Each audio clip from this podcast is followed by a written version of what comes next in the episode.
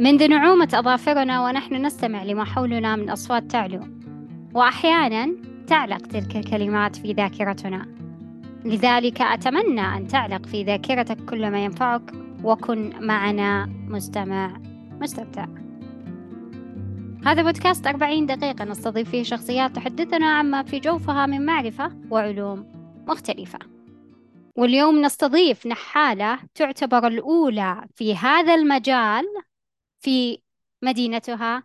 لذلك دعونا نتعرف معها عن موضوع إنتاج العسل. أهلا أهلا أستاذة نورة. أهلا فيكم وحياكم الله. وسعيدة جدا صراحة أني أكون ضيفتكم اليوم. أتمنى أني أفيد الكل المستمعين بكل علم أو معرفة أعرفها في مجال النحل. حياكم الله. الله يحييك. إيه. بداية آه، يعني في كل آه، ضيف متواجد في البودكاست حنا حابين نعرف عن هذا الضيف بشكل أكبر. لذلك أعرف المستمعين عن نفسك. تفضلي. آه، معاكم النحالة نورة شاوي الشمري. أول نحالة على منطقة حائل والشمال كافة ملقبة بنحالة الشمال حاصلة على العديد من الميداليات ال- العالمية. اللهم لك الحمد. حاصلة على النحال المميز لعام 2021 في منطقة حائل. ما شاء الله تبارك الله. يعني أنت مختصة في مجال إنتاج العسل. آه، لكن هل دربتي مثلا متدربات بما أنك أنت حاصلة على آه، شهادة تفضلي آه، الحمد لله. يعني أنا آه، الفترة الماضية درست تحت يد خمسة دكاترة آه، في برنامج تأهيل مدربات للنحل. وإن شاء الله قريبا بإذن الله راح آه، نبدأ تدريب آه، في مجال أساسيات تربية النحل. واو. يعني النحلة الحمد لله لازم هذا من فضل ربي لا ما شاء الله تبارك الله يعني النحلة لازم يكون لها تعامل خاص لأنها شوفي أنا باعتقادي أنا كشخصية بعيدة عن هذا المجال أعتبرها مجرد مهم. يعني زي تقريبا حيوان صغير فقط لا غير كذا رؤيتي له لكن هل هناك مهم. يعني تربية بشكل محدد للنحل؟ أكيد أكيد أكيد يعني النحلة عالم عالم النحل عالم عجيب وغريب صراحة. يعني أنا لما كانت بداياتي كنت أظن إنه عادي يعني مثل ما كنت تظنين أنت. لكن لما دخلت المجال هذا آه، عرفت فعلا إنه النحل عالم عجيب عالم غريب عالم منظم جدا جدا جدا. فوق ما تخيلت يعني.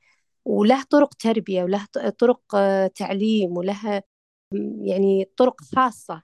مثلا لإنتاج العسل طرق خاصة لإنتاج حبوب اللقاح طرق خاصة لإنتاج غذاء الملكات يعني كل مجال له طريقة خاصة.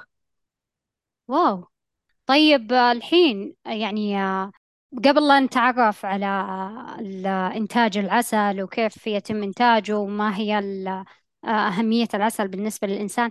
خلينا نتكلم عن الجانب اللي هو النحلة بما أننا تكلمنا عنه في البداية. آه، هل. هناك يعني لها مثلا تدريب محدد بأنها تطير من هذا المكان وتروح مثلا تجمع العسل؟ لأني أنا شفت صراحة فيديو أنت مصورتها وهي تجمع العسل من شجرة طلح. فهل صحيح. ترجع مرة ثانية يعني لنفس المكان ك- زي نوع من من التدريب ولا مجرد ما أنها تتواجد في المكان يعني تعرف ترجع مرة ثانية؟ آه شوفي هو النحل آه طريقة التوجيه لها عدة يعني محاور. أنا ما أقدر أوجه النحلة مباشرة يعني فهمتي؟ آه فكيف نسوي؟ إنه خلاص النحلة تتبرمج تلقائيا بإنه مثلا تتوجه لزهرة البرسيم أنزلها على موسم البرسيم مثلا. تمام؟ تاخذ تقريبا من يوم إلى يوم ونص على بال ما تبرمج وتحدث الموقع يصير عندها تحديث للموقع. فين مكان الزهرة؟ فين مكان بوابة السروح آه، تبع الخلية؟ فين آه، اتجاه الرحيق؟ فين اتجاه حبوب اللقاح؟ يعني كل هذا يدور داخليا داخل الخلية. يعني مو أنا اللي بالضبط أوجهه لكني أنا الله مجرد إني أنتقل من مكان لمكان. مثلا حابة أنتج مثلا عسل الطلح أنتقل إلى مكان فيه آه، شجرة طلح كذا أنا أضمن إني أستخرج عسل الطلح. فصعب مثلا أجي مكان فيه طلح وفيه برسيم وفيه حمضيات وفيه كذا زهرة وأقول للنحلة روحي اجمعي لي فقط طلح. هذا صعب جدا. لكن كيف أحكم أن النحلة تروح تجمع لي من عسل معين إني أتوجه المكان فقط ما في إلا أزهار الطلح فقط ما في زهرة ثانية. عرفتي؟ ما شاء الله. فهذه هذه سبحان الطريقة الله. اللي إني أتو... أخلي النحلة تتوجه إنها تجمع عسل طلح فقط. أنزلها في مثلا على المزارع في آه، زهرة البرسيم خلاص تجمع لي زهرة البرسيم. إذا كان في زهرة ثانية في نفس الموقع تلقائيا هي تروح تجمع. أنا ما ما أوجهها أقول لا فقط روح للبرسيم. عرفتي؟ فالمصدر الزهري الموجود في المنطقة هي إحنا تروح توجه نفسها وتأخذ منه.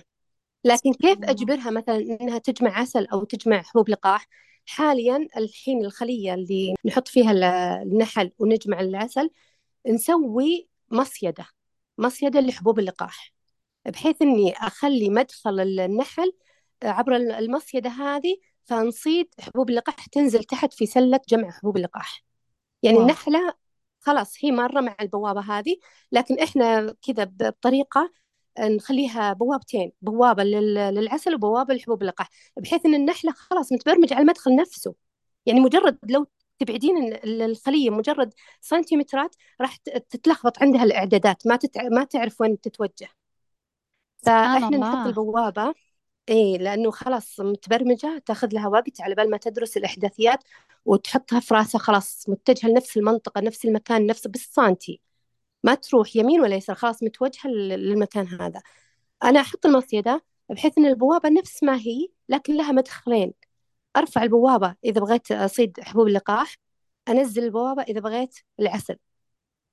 الحين حبوب اللقاح أصيدها بطريقة مبتكرة بحيث أن النحلة داخل الخلية على أساس أنها تخزن آه، حبوب اللقاح في العيون السداسية لكن أنا مجرد ما أحط مصيدة خلاص يشيل حبوب اللقاح من من رجلين النحلة وينزل تحت في السلة.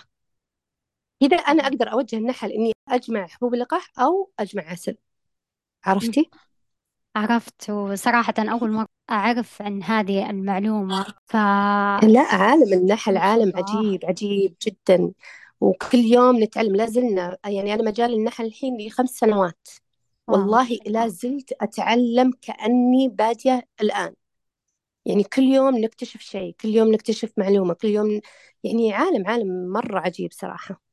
زيادة على أنه عالم عجيب آه، يعني التأمل لمثل هذه المخلوقات كيف إنها تجمع كيف إنها تجيب كيف إنها يعني برغم إنها صغيرة الحجم لكن سبحان الله يعني تنتج تنتج شيء يعني فيه شفاء لجسد صحيح الإنسان ما شاء الله وسبحان وبغض الله النظر كل بغض النظر عن إنه تجمع شيء فيه شفاء.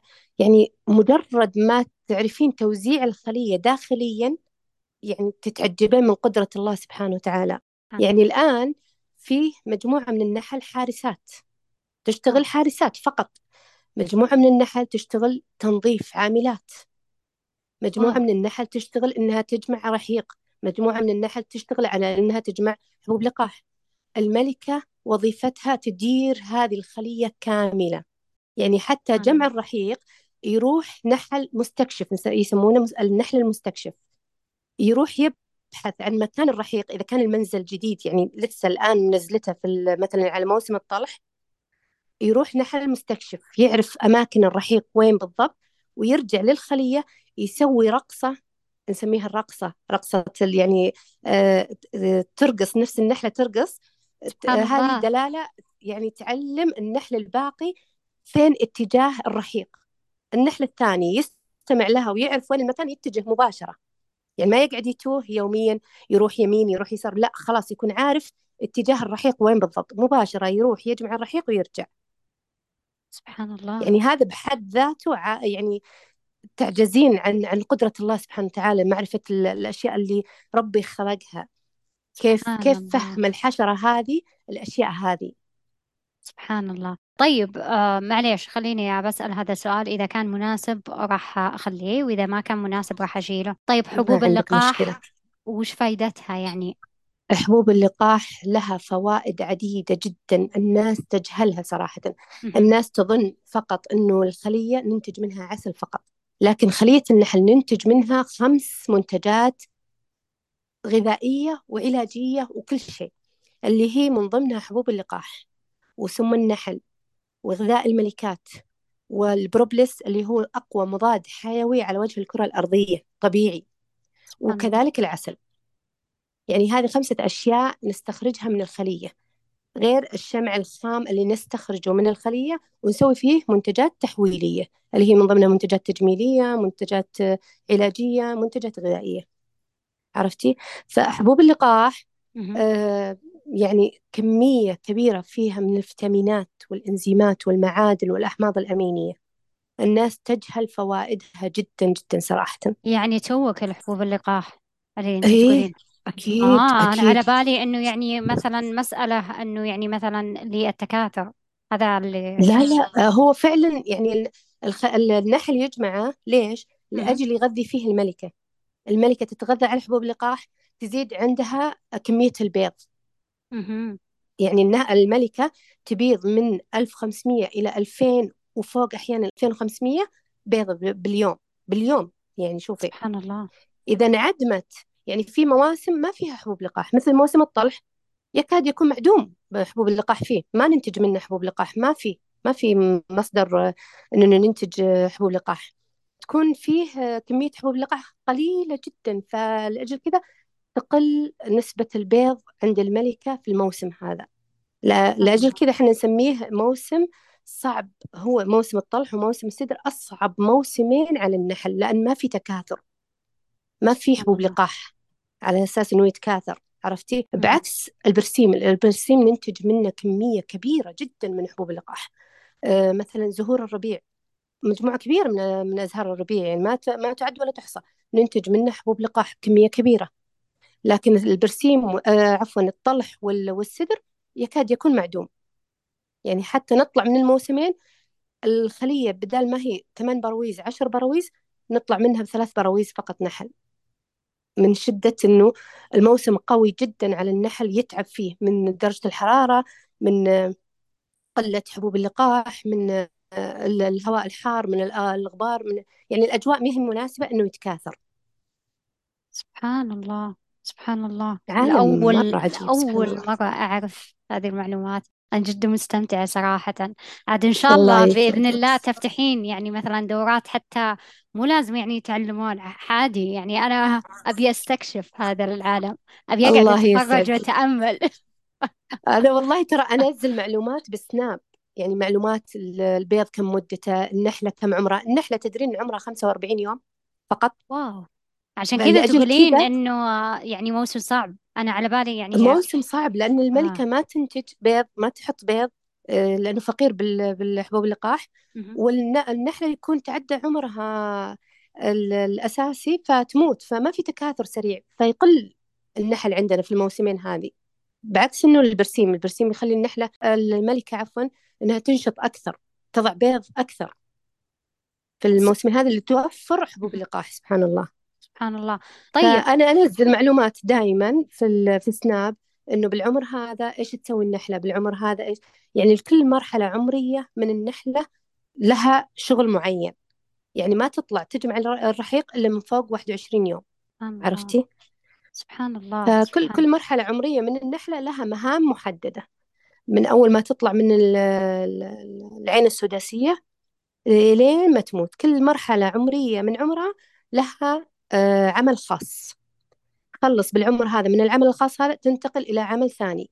تنتقل مرحلة آه، يكون في بداية عمرها تغذي اليرقات والبيض والموجود اللي في ال- في العيون السداسية.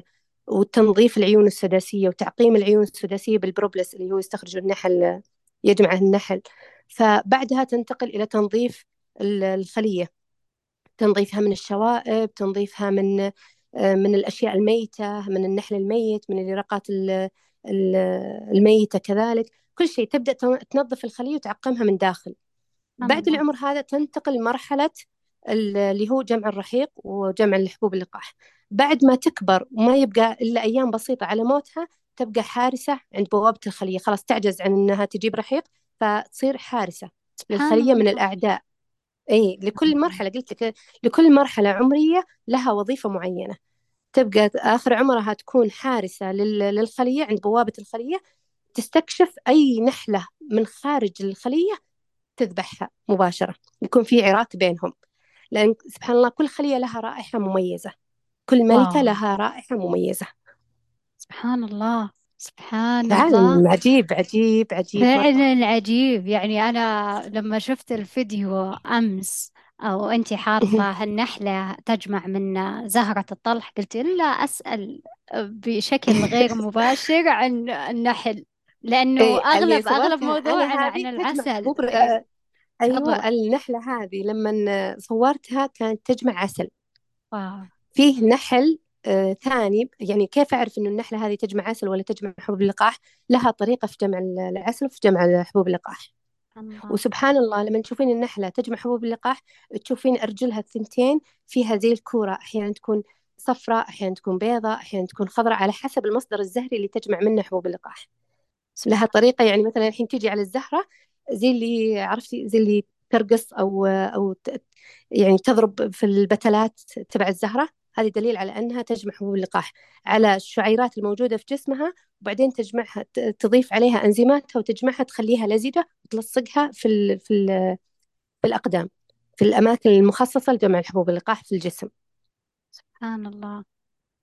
طيب بما إنك يعني بعالم سناب شات ليش ما تدخلين بعالم التيك توك؟ يعني ما شاء الله تبارك الله. أي- إذا كنتي آه، تصورين بسناب شات نفس الفيديوهات يعني نزليها بعالم التيك توك. أيوة بالعكس بالضبط. هو يجيب فعلا يجيب لك يعني مشاهدات آه، أعلى يعني صحيح من السناب شات لأنه الأغلب آه، أو, أو يمكن عشاني أنا أشوف ذاتي لأنه آه، آخر برنامج أفكر فيه سناب شات صراحة لأنه فيها برامج أخرى. فيا ليت يعني تتواجدين بالتيك توك. أنا أول آه الحمد لله fans موجودة موجودة في والله ما شاء الله. خلاص اي يعني بضيف مواقع التواصل الاجتماعي لك إذا نزل البودكاست إن شاء الله. الله يسعدك الله يسعدك أكون شاكرة لك. لا أنا أضيف أعمالي كل اللي يسويه تغطية مباشرة اللي في سناب شات أنزلها كامل مقطع كامل في في التيك توك. لكن زي ما تعرفين أحيانا يعني يكون مع الفرز ومع هذا أنسى آه، أو أنشغل بمعنى أصح إني أنشغل إني أنزل المقاطع هناك فأتأخر أحيانا صراحة. لا عادي فأكثر شيء إني أوثق. يوميا بسناب شات أوثق آه، شغلي مثلا. أحيانا والله حتى في أشياء مهمة لكني صعب إني أقعد أصور وأشتغل في نفس الوقت عرفتي؟ صحيح. فجدا صراحة أحيانا أترك الجوال وأترك التصوير مجا... بس لأني أحب إني أتقن الشغلة هذه من غير ما أزعج نفسي في التصوير والأشياء هذه. واو ما شاء الله تبارك الله.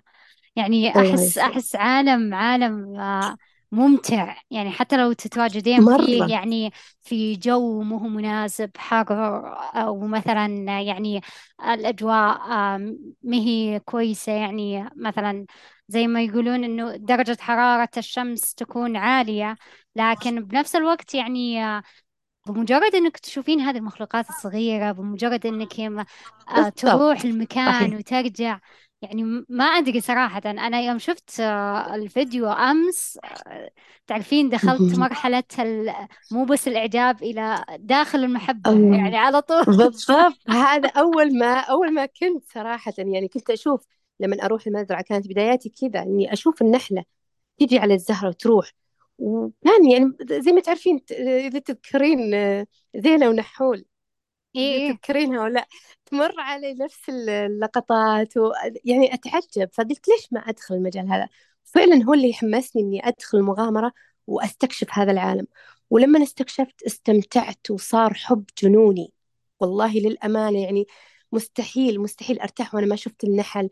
ولازم يعني زي ما تقولين كأنهم كأنهم عيالي. قاعدة قاعدة كل يوم أروح أستكشف أشوف هل في مرض هل في شيء هل يحتاج شيء هل نفس سبحان الله نفس عناية الأولاد تكون في في النحل.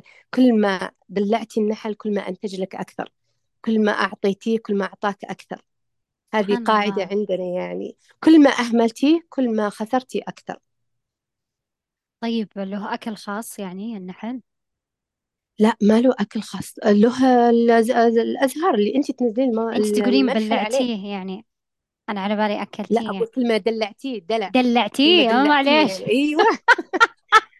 أنا سمعت أقول ياكل لا لا لا هو كل ما معليش. دلعتيه يعني مثلا وفرتي لها الأماكن الظل آه، وفرتي لها الماء عن قرب آه، وفرتي لها أبعدتي عن اتجاهات الهواء المهلكة أحيانا تكون مهلكة للنحل اتجاه الهواء لأن النحلة يعني حشرة صغيرة. مجرد الهواء ما يكون مستقبل بوابة الخلية هنا تدخل الحرارة داخل ال- الخلية نفسها فتضرر. النحل كله يتضرر أحيانا. فإحنا نحط مصدات هوائية بحيث إنه نمنع الهواء ما يدخل الخلايا. نحط مظلات نحط نوفر الموية موجود عنده. آه، نوفر له يعني كل كل ما دلعتي النحل وحطيتي له أماكن كويسة كل ما أنتج أكثر و- وصار أنشط أكثر. سبحان الله سبحان الله. مثل شكله اللي إذا تدفينه عن البرد مثلا تلبسينه وتعتني فيه وتعطينها أكل دافي تعطينه مشروبات دافية كان صحته أفضل. كذلك النحل نفس الشيء. سبحان الله. سبحان الله. شكلا بحول البودكاست من إنتاج العسل إلى حياة النحلة. حياة تجوع النحل ال- بالضبط. وهي تجوع العسل. فعلا والله صراحة بس أقول لك أول ما دخلت يعني كل يوم معلومة أستكشفها أستغرب ويخليني أحب النحل أكثر.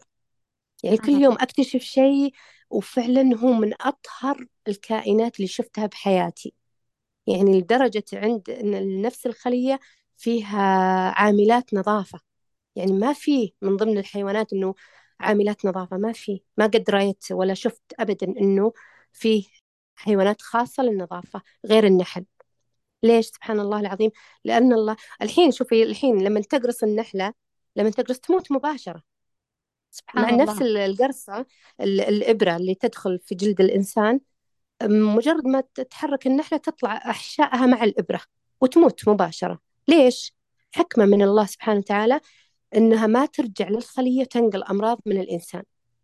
واو من شدة الله. طهارة ال ال ال الحشرة هذه سبحان الله.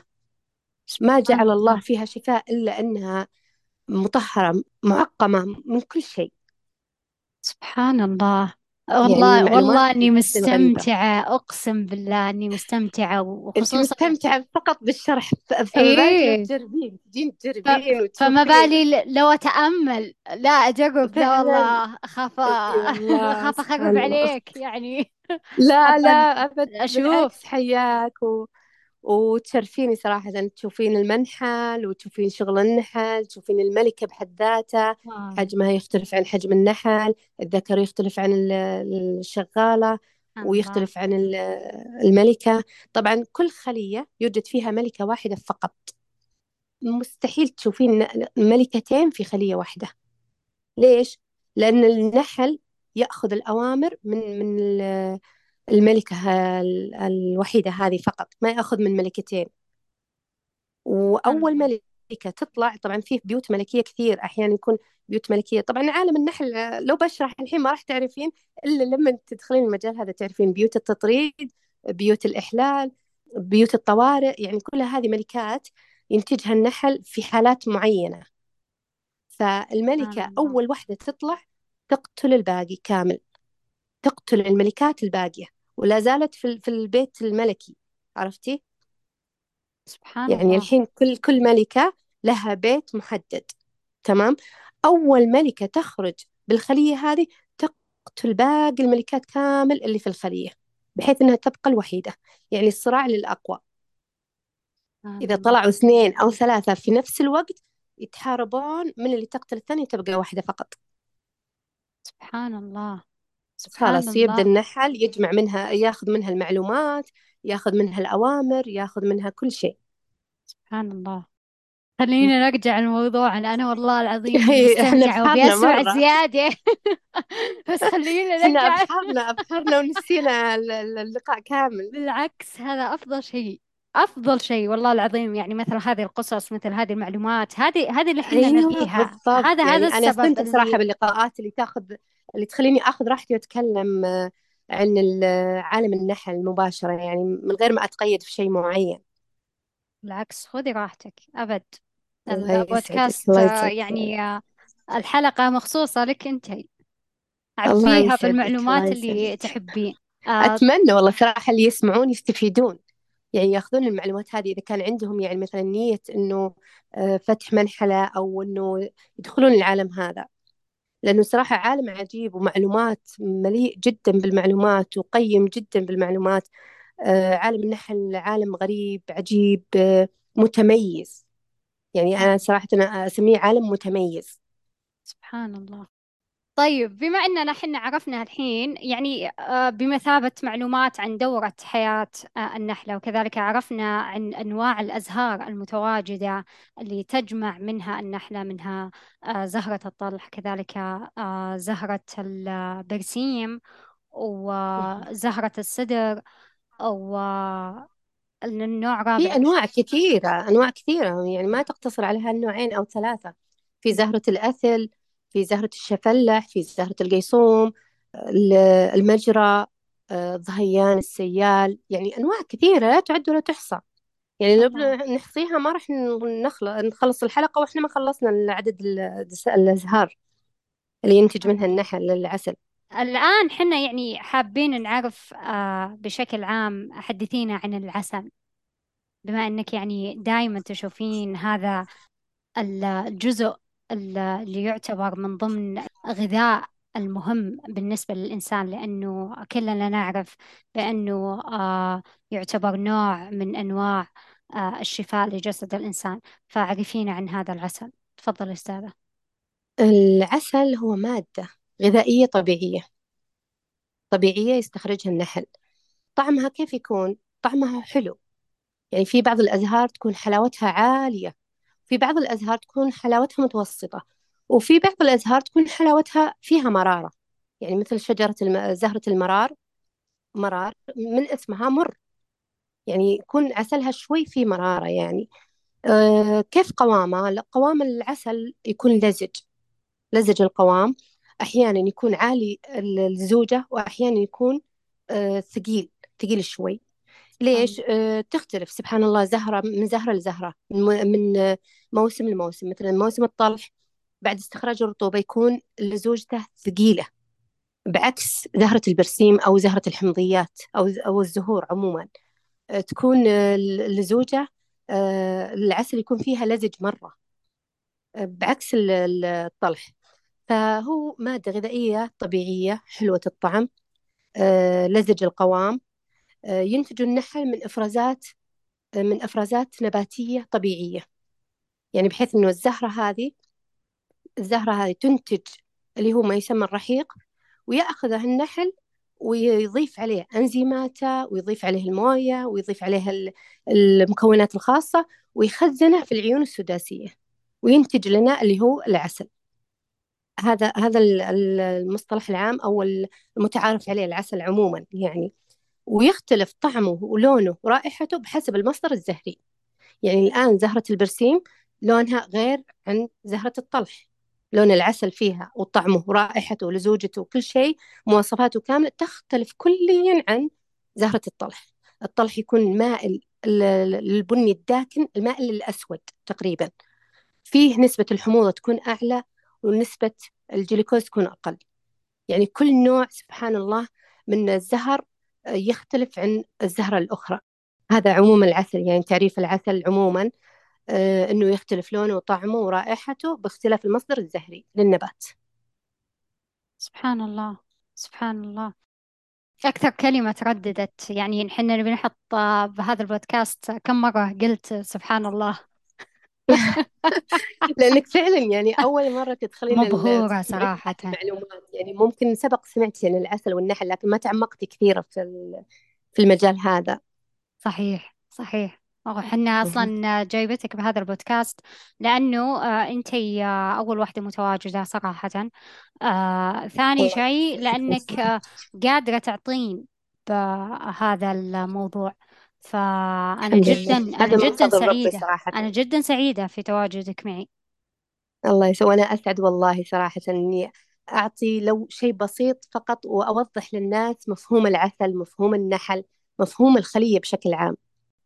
أستاذة نورة أنت قلتي في البداية قبل لا إحنا نتعرف على العسل قبل لا تعرفيننا أنه يعتبر مادة لزجة آه قلتي أنواع للعسل وعددتيها فهل حابة نرجع نعددها مرة ثانية ولا تعطيننا فقط النوع الذي تنتجينه أنت في المتجر الموجود عندك؟ تمام.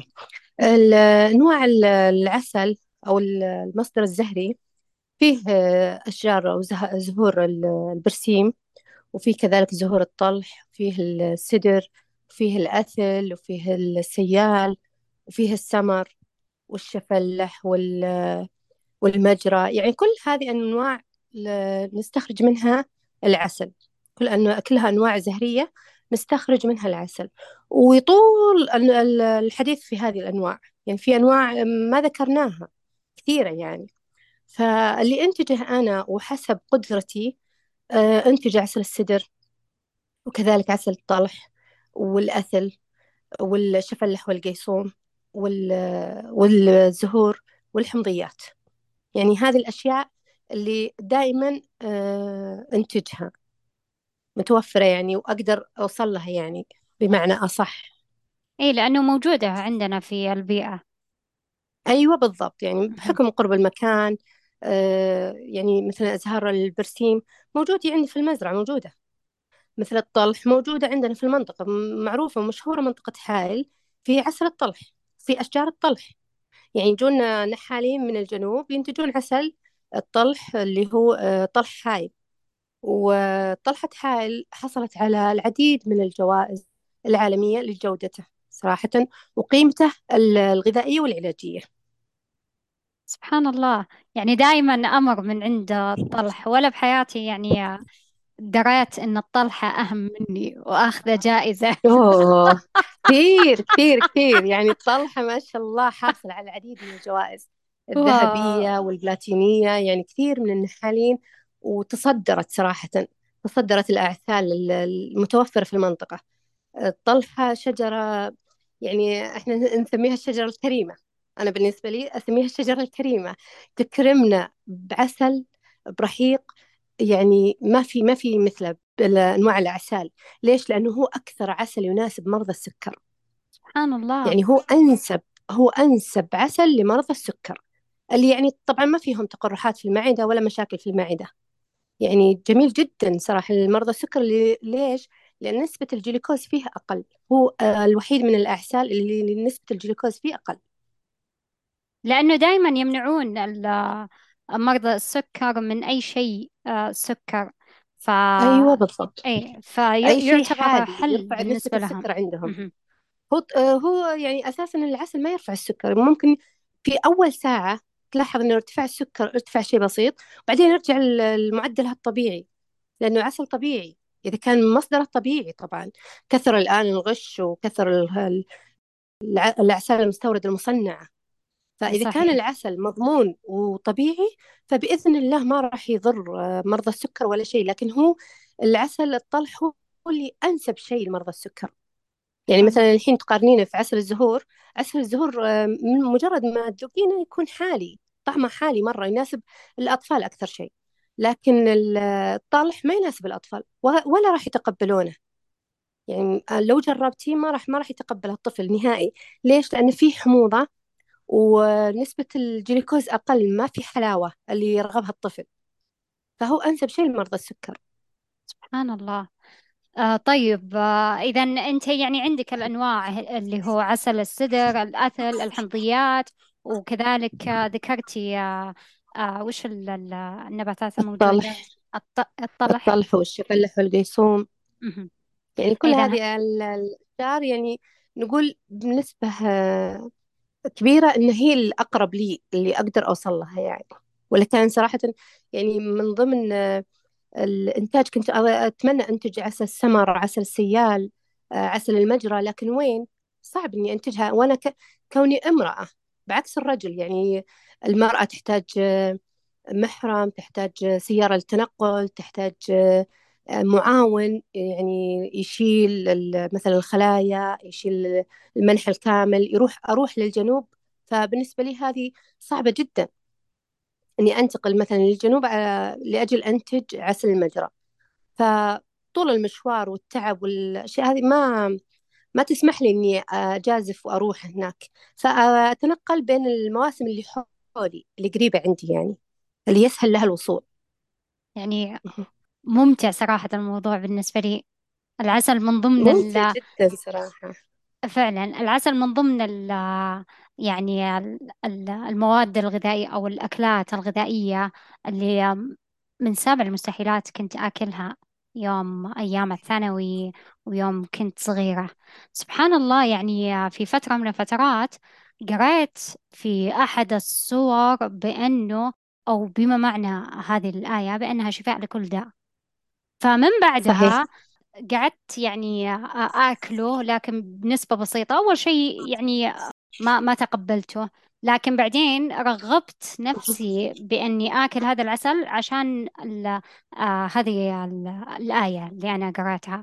فيعني من الأشياء اللي مبهرة بالنسبة لي لأنه إنتاجها من مخلوق صغير. آه زيادة على كذا سبحان الله. يعني مثل ما قلتي أنت بالمعلومات الموجودة الآن بالبودكاست يعني هذه أول مرة أسمع بهذه المعلومات لأنه أنا يعني معرفتي بهذا العسل إني أروح مثلا للسوبر ماركت آخذ مثلا هذا العسل أو أروح مثلا بالضبط صح. وآخذه يعني وفقط انت أستهلكه. م. أيوه. يعني تشترينه من المكان تجيبينه عندك فقط. لكن ما بحثتي عن طريقة إنتاجه أو كيف ينتجوا النحال وك... ما هي ما هي الوسائل اللي ينتجوا والح... والحشرة هذه كيف تنتجوا أساسا؟ بغض النظر عن النحال كيف النحلة هذه كيف تنتج العسل كيف تجيب العسل؟ ما بحثتي عن الأشياء هذه. فتظنين إنه عادي يعني سهل الأمر سهل. أشتري من إيه البقالة وأجيبه عندي. لكن لما نستكشف ونبحث ونشوف قدرة الله سبحانه وتعالى في يعني جعل هالمخلوق الصغير هذا ينتج القيمة الغذائية هذه اللي أنزل الله سورة كاملة باسم النحل سورة النحل. وجعل فيها آية يعني دليل على أنه العسل فعلا فيه شفاء. يخرج من بطونها شراب مختلف ألوانه فيه شفاء للناس. يعني هذه بحد ذاته يخلي الإنسان يفكر أنه فعلا لكن إحنا ما عندنا يقين. هو ين- ينقصنا اليقين فقط. أنه فعلا أنه العسل فيه شفاء. في ناس تجرب يوم يومين ثلاثة بعدين يقول لا ما استفدت منه. طيب هذه مادة طبيعية. هذا هذه يعني منتج طبيعي. يحتاج وقت طويل على بال ما تاخذ الفوائد اللي فيه على بال ما تشوف نفسك استفدت أو لا. ما ما تقارنه باستخدام يوم يومين أو ثلاثة بالكثير. صحيح. فلا بد إن الواحد اللي يستخدم العسل المنتج الطبيعي اول ياخذه من مصدر موثوق من نحال موثوق. حتى لو كان المختبرات مطلعين عليه شهادات أو شيء زي كذا ما راح تثق. الآن الأعسال المستوردة تجينا من الصين مسموح لها من هيئة الغذاء والدواء إنها تدخل السوق. ما أكت... ما يكتشفون إنه. هذا العسل مصنع أو لا. ما يقدرون يعني آه، زادت الحيلة إنهم صاروا هيئة الغذاء والدواء ما يقدرون يكتشفون ال- ال- الغش الموجود في الع- في الأعسال المستوردة. لكن ال- الشخص اللي يبغى العسل الطبيعي يبحث عن نحال ثقة. مش أي نحال يعني. في بعض النحالين آه، هداهم الله فيه فيه تغذية فيه إضافات فيه. لكن إذا أنت تثق بالشخص هذا وتشوف شغله بنفسك وتشوف مدى تعبه في المنتج في, في إنتاج العسل وتنقلاته وكل شيء تعرف إن هذا الشخص فعلا ثقة تضمن العسل وتشتري منه. أكيد من موجودة. أنتي موجودة عندنا الله يعني يسعدك. أكيد خيرا نعرف. مما تظنون يا رب. لا لا إن شاء الله ها- هالثقة موجودة آه، الله يسعدك ويجزاكم بإذن خير الله. أو الله لكن يعني يسعدك. يعني إحنا راح نتدرج بالأسئلة ثم نصل الباقات الموجودة عندك آه للعسل والأنواع الموجودة عندك. أكيد راح نتكلم عنها. آه كنوع من التعريف بالمنتجات الموجودة عندك. طيب الحين خلينا نعرف بما أنه يعني تكلمنا حنا أو الكل يعرف بأنه العسل آه يعتبر دواء لكل داء. هل هناك آه، فائدة أخرى آه، للعسل لجسم الإنسان حينما يأكله يعني؟ العسل كله فوائد من جميع النواحي سواء للبشرة سواء للجهاز الهضمي سواء للطاقة الصحية للإنسان نفسه. يعني ال- العسل يلعب دور مهم في الجهاز الهضمي. جدا جدا يلعب دور مهم. وكذلك يلعب دور مهم في صحة البشرة. يعني الآن كثير نشوف الأخصائيات التجميل والدكاترة الجلدية ينصحون بوضع العسل على البشرة. ليش؟ لأن له فوائد عديدة من ناحية البشرة من صفاء البشرة حيوية البشرة التئام الجروح التئام ال- ال- الالتهابات تخفيف الالتهابات يعني له فوائد عديدة جدا صراحة خصوصا للي ينتظم في استخدامه. أرجع وأضيف خصوصا للي ينتظم في استخدامه. مش مرة وخلاص أنا ما استفدت مرتين أنا ما استفدت. لا استمر. يعني أقل مدة تقدر تحكم نفسك فيها أنك استفدت من العسل هي شهر. أقل شيء.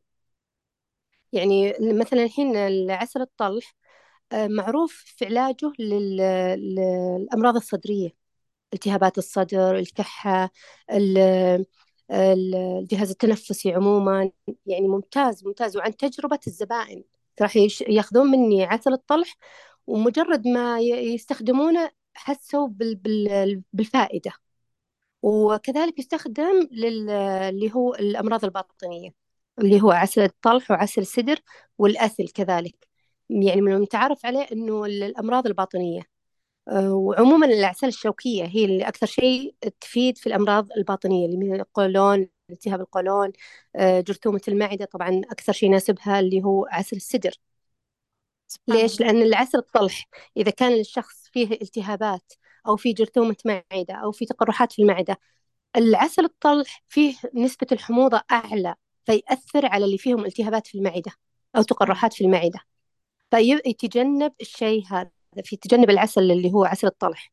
يستخدم عسل السدر. ليش؟ لأنه من الأعسال الباردة اللي تبرد على ال- ال- المعدة وتعالج التقرحات وتعالج الالتهابات. الله وأكثر شيء أكثر من يعني الشخص اللي يبغى الفائدة أكثر وأكثر يضيف عليها اللي هو العكبر اللي هو من منتجات النحل كذلك. المصطلح العلمي البروبلس نسميه البروبلس يضيفه على العسل ويستخدمه كعلاج لأمراض التق- التقرحات المعدة جرثومة المعدة ويعتبر العكبر هو أقوى مضاد حيوي على وجه الكرة الأرضية. ويستخرج كذلك من النحل نفسه. النحل يستخرجه. يستخرج العكبر وإحنا نحط مصائد اللي هو خاصة للعكبر نستخرج منها من نستخرجه من الخلية. سبحان الله. يعني فكذا فوائد العسل عديدة. يعني لا تعد ولا تحصى. ويكفي أن الله أنزل فيها آية. وسمى سورة كاملة بسورة النحل. صحيح. لعظم هذه الحشرة وعظم ما يخرج من هذه النحلة. سبحان الله. ترى أغلب الناس يظنون أن العسل يخرج مع مؤخرة النحلة وهذا غلط. غلط. النحلة لها معدتين للمعلومية يعني فقط. النحلة لها معدتين. معدة تستخدمها لتقوية جسمها وأكلها ال- اليومي ومعدة تستخدم لتخزين الرحيق لحتى ما ترجع من ال ال رحلة الجمع الرحيق. ترجع للخلية تعطيه نحلة ثانية عبر خرطوم خاص للعسل. سبحان الله. عرفتي؟ يعني تستخرج ال- ال- الرحيق اللي جمعته من معدة خاصة لجمع الرحيق تعطيها نحلة ثانية المخصصة لإنتاج ال- اللي هو العسل. النحلة الثانية تاخذ الرحيق من النحلة الأولى وتضيف عليه أنزيماتها وترجع تنزله في العيون السداسية. سبحان الله. يعني سبحان تظن الله. أنا إيه صحيح. ترجع للخلية وتحطها في العين الس... في العين السداسية. هذا غلط. النحلة ترجع للخلية تستقبلها نحلة آه، أخرى تاخذ الرحيق من النحلة ال- ال- اللي جاية من الخارج تاخذه منها وتضيف عليها إنزيماتها وتضيفها وترجع تنزلها في العيون السداسية. بعد ما تضيف الله. الإنزيمات والمواد ال- يعني المواد الخاصة في في النحلة في العسل تضيفها لها وتمزجها وت... وتعيد تكرارها وتنزلها عبر خرطوم خاص للعسل داخل العيون السداسية. سبحان الله يعني إنتاج العسل آه، عبارة عن جهد جماعي مراحل. أيوة مراحل. على مراحل صحيح. أيوة بالضبط. مراحل عديدة. سبحان الله سبحان وما الله ينزل أول العسل مرة. في العين في العين السداسية إلا بعد ما تمر نحلة خاصة بتنظيف العيون السداسية وتعقيمها بالبروبلس اللي هو العكبر تنظف العين السداسية وتعقمها بالبروبلس ترجع النحلة اللي معها الرحيق تاخذ تعطيها النحلة الخاصة في العسل تضيف عليها أنزيماتها وبعدين النحلة هذه تضيفها في العين السداسية المعقمة النظيفة. سبحان الله سبحان الله. عالم عجيب فعلا ودك يعني آه، فقط آه، يكون يعني مثلا ما أدري إيش يسمى ال- البيت المربع اللي آه، إيش يسمى العين السداسية اللي هي لا خاصة لا في ال- إيش يسمى نفس ال- المربع الأبيض اللي يضم ال- الخلية الخلية. الخلية خلية. أيوة. إيه. ودك يعني أحيانا تكون الخلية شفافة عشان نراقب ونتأمل في كيف ال... في. واو. أغلب النحالين يعني يسوونها في المعارض في المهرجانات يعني على أساس إنه الناس تشوف الخ... إيش يدور داخل الخلية كيف النحل يمشي على العيون. وللعلم يعني زيادة العلم النحلة ما تمر على العسل برجلينها نهائي تمشي على أطراف العين السداسية. واو! سبحان يعني الله! مستحيل إنها تنزل برجلها على العسل أو تلمس العسل أو يعني سبحان الله لزيادة ال- ما أدري إيش أقول يعني لزيادة نظافتها يعني من الحشرة هذه النظيفة اللي تحسين فيها إنها كائن غريب سبحان الله من ناحية التعامل من ناحية التصرف من ناحية طريقة يعني مشيها طريقة أكلها طريقة عنايتها يعني عالم عجيب صراحة حشرة غريبة سبحان غريبة غريبة. يعني تمر الله على ال- العين السداسية على أطراف العين السداسية. مستحيل إنها تمسك العسل في رجلها أو في يدها أو ولاحظي النقطة هذه وبأي مقطع فيديو موجود في اليوتيوب وشوفي كيف تمشي النحلة. تمشي حتى الملكة تمشي على أطراف اللي هي العين, العين السداسية الشمع. تمشي على الشمع ما تمشي على العسل نهائي. ما تمر على العسل يعني. تمر من فوق بس مستحيل إنها تنزل رجلها أو يدها أو أو آه، أي من حاجة من جسمها في, في العسل. برجع أبحث باليوتيوب وأشوف لأنه خبرتي وبعد قليلة ما ينضج العسل طبعا بعد ما يخلص تغطيه الن- النحلة بإفراز الشمع تغطي العين السداسية بعد اكتمال نضوج العسل اللي موجود فيها واستخراج الرطوبة اللي فيه. خلاص تسكر عليه زي اللي عرفتي المحلات اللي يحطون عليه الشمع الأحمر؟ نفس كذا يعني. خلاص اكتفينا سكرت تسكر النحلة على ال- العين السداسية بشمع خاص. هذا بحيث دليل إنه على ما يتم اكتمال نضوج العسل تعبية مرة ثانية؟ لا مو شرط. إنه ما يتم تعبئة خلاص إنه هذا العسل ناضج. ناضج. يعني أها الآن حنا نستخرج العسل من ال- الأقراص الشمعية أو البراويز الشمعية هذه نرجع للمكان ال- اللي يتم فيه استخراج الرطوبة. نستخرج الرطوبة من العسل. يعني مو الله على طول نستخرج نروح نعبي في العلب لا. يمر بمراحل كذا. يعني يمر في مرحلة تصفية مبدئية بعدين تصفية نهائية بعدين استخراج الرطوبة وبعدين بعد ما نفحص ونتأكد أن الرطوبة وصلت للحد المسموح فيه خلاص نرجع نعبيه في العلب. وتكون العلب خاصة وبطريقة حفظ خاصة وكل شيء خاص يعني. سبحان الله. سبحان الله. آه طيب خلينا فعلا فعلا يعني هذه المعلومات أول مرة أول مرة أعرفها. فكويس حنا عرفنا هذه المعلومات من شخصية مختصة بهذا المجال. الله يسعدك. والله جد ما شاء الله تبارك الله يعني آه، أنا منبهرة. الآن فعلا أنا أنا على والله ترى يعني شيء هذه ما بسيط أخذتها بين يوم وليلة بين يوم وليلة. مستحيل. يعني على هذه هذه المعلومات على مدى خمس سنوات ودراسة تحت آه، دكاترة وعلماء نحل يعني متخصصين في المجال هذا 40 سنة 45 سنة. ما يعني ولا زلت لا زلت يعني آه، أطمح في المزيد من المعلومات. يعني أي معلومة أشوفها جديدة وكذا أبحث عنها عن عن طريق الدكاترة اللي أنا درست معاهم أراسلهم آه، أعرف المعلومة هل هي صحيح ماذا استجد في النحل آه، إيش طريقة آه، مثلا عندي إشكالية مثلا في أمر معين أرجع لنفس الدكاترة وأسألهم وأستزيد منهم صراحة. ما شاء الله. ما شاء الله تبارك الله. الحمد لله. هذا من فضل ربي والله. ما شاء الله. طيب الحين خلينا نرجع للعسل نرجع للعسل الموجود في العلب القزاز دائما نرى في الدعايات بأنه أثناء إخراج العسل دائما يكون بملعقة خشب. وش السبب؟ مهم. ليش ما يستخدمون مثلا ملعقة آه، حديد؟ يعني عادي. ليش خشب؟ وخصوصا تكون على شكل آه، مثلا خلية نحل. ليش بالذات خشب؟ ما هو نوع ثاني من أنا أنا أقول لك ليش. تفضل هذه ثقافة قديمة. كان أول قديما قديما. ما كان عندهم حديد ما كان عندهم النحاس ما كان عندهم البلاستيك. فكانوا إيش يستخدمون؟ كل أوانيهم كل استخداماتهم عن طريق الخشب. هذه ثقافة قديمة. ولكن الناس لا زالت تتوارثها إلى الآن ومعتقدات إنه خلاص ما نستخدم إلا الملعقة الخشب الخشبية. وهذه كلها يعني معتقدات ما لها صحة يعني. الآن يعني صار فيه ملاعق بلاستيك ملاعق نحاس ملاعق ستيل آه، يعني من جميع الأنواع. فما يضر يعني مثلا أخذت من الملعقة هذه أو أخذت من الملعقة هذه لكن هي ثقافة قديمة بما أنه ما كان فيه آه، صناعات آه، قديما أنه مثلا ملعقة بلاستيك أو أو أي نوع ثاني غير الخشب. فتوارثتها الأجيال وخلاص اعتقدوا أنه العسل يتأثر بالملاعق الحديد أو هو الأفضل يعني الأفضل إنك تستخدم ملعقة بلاستيك. أنا أنا بالنسبة لي يعني وجهة نظر بغض النظر عن ما قالوا. أنا بغض النظر عن العلماء أو اللي قالوا أو الدكاترة أنا بالنسبة لي أستخدم بلاستيك بحيث إني ما أرجع أنزل الملعقة مرة ثانية أرميها مباشرة.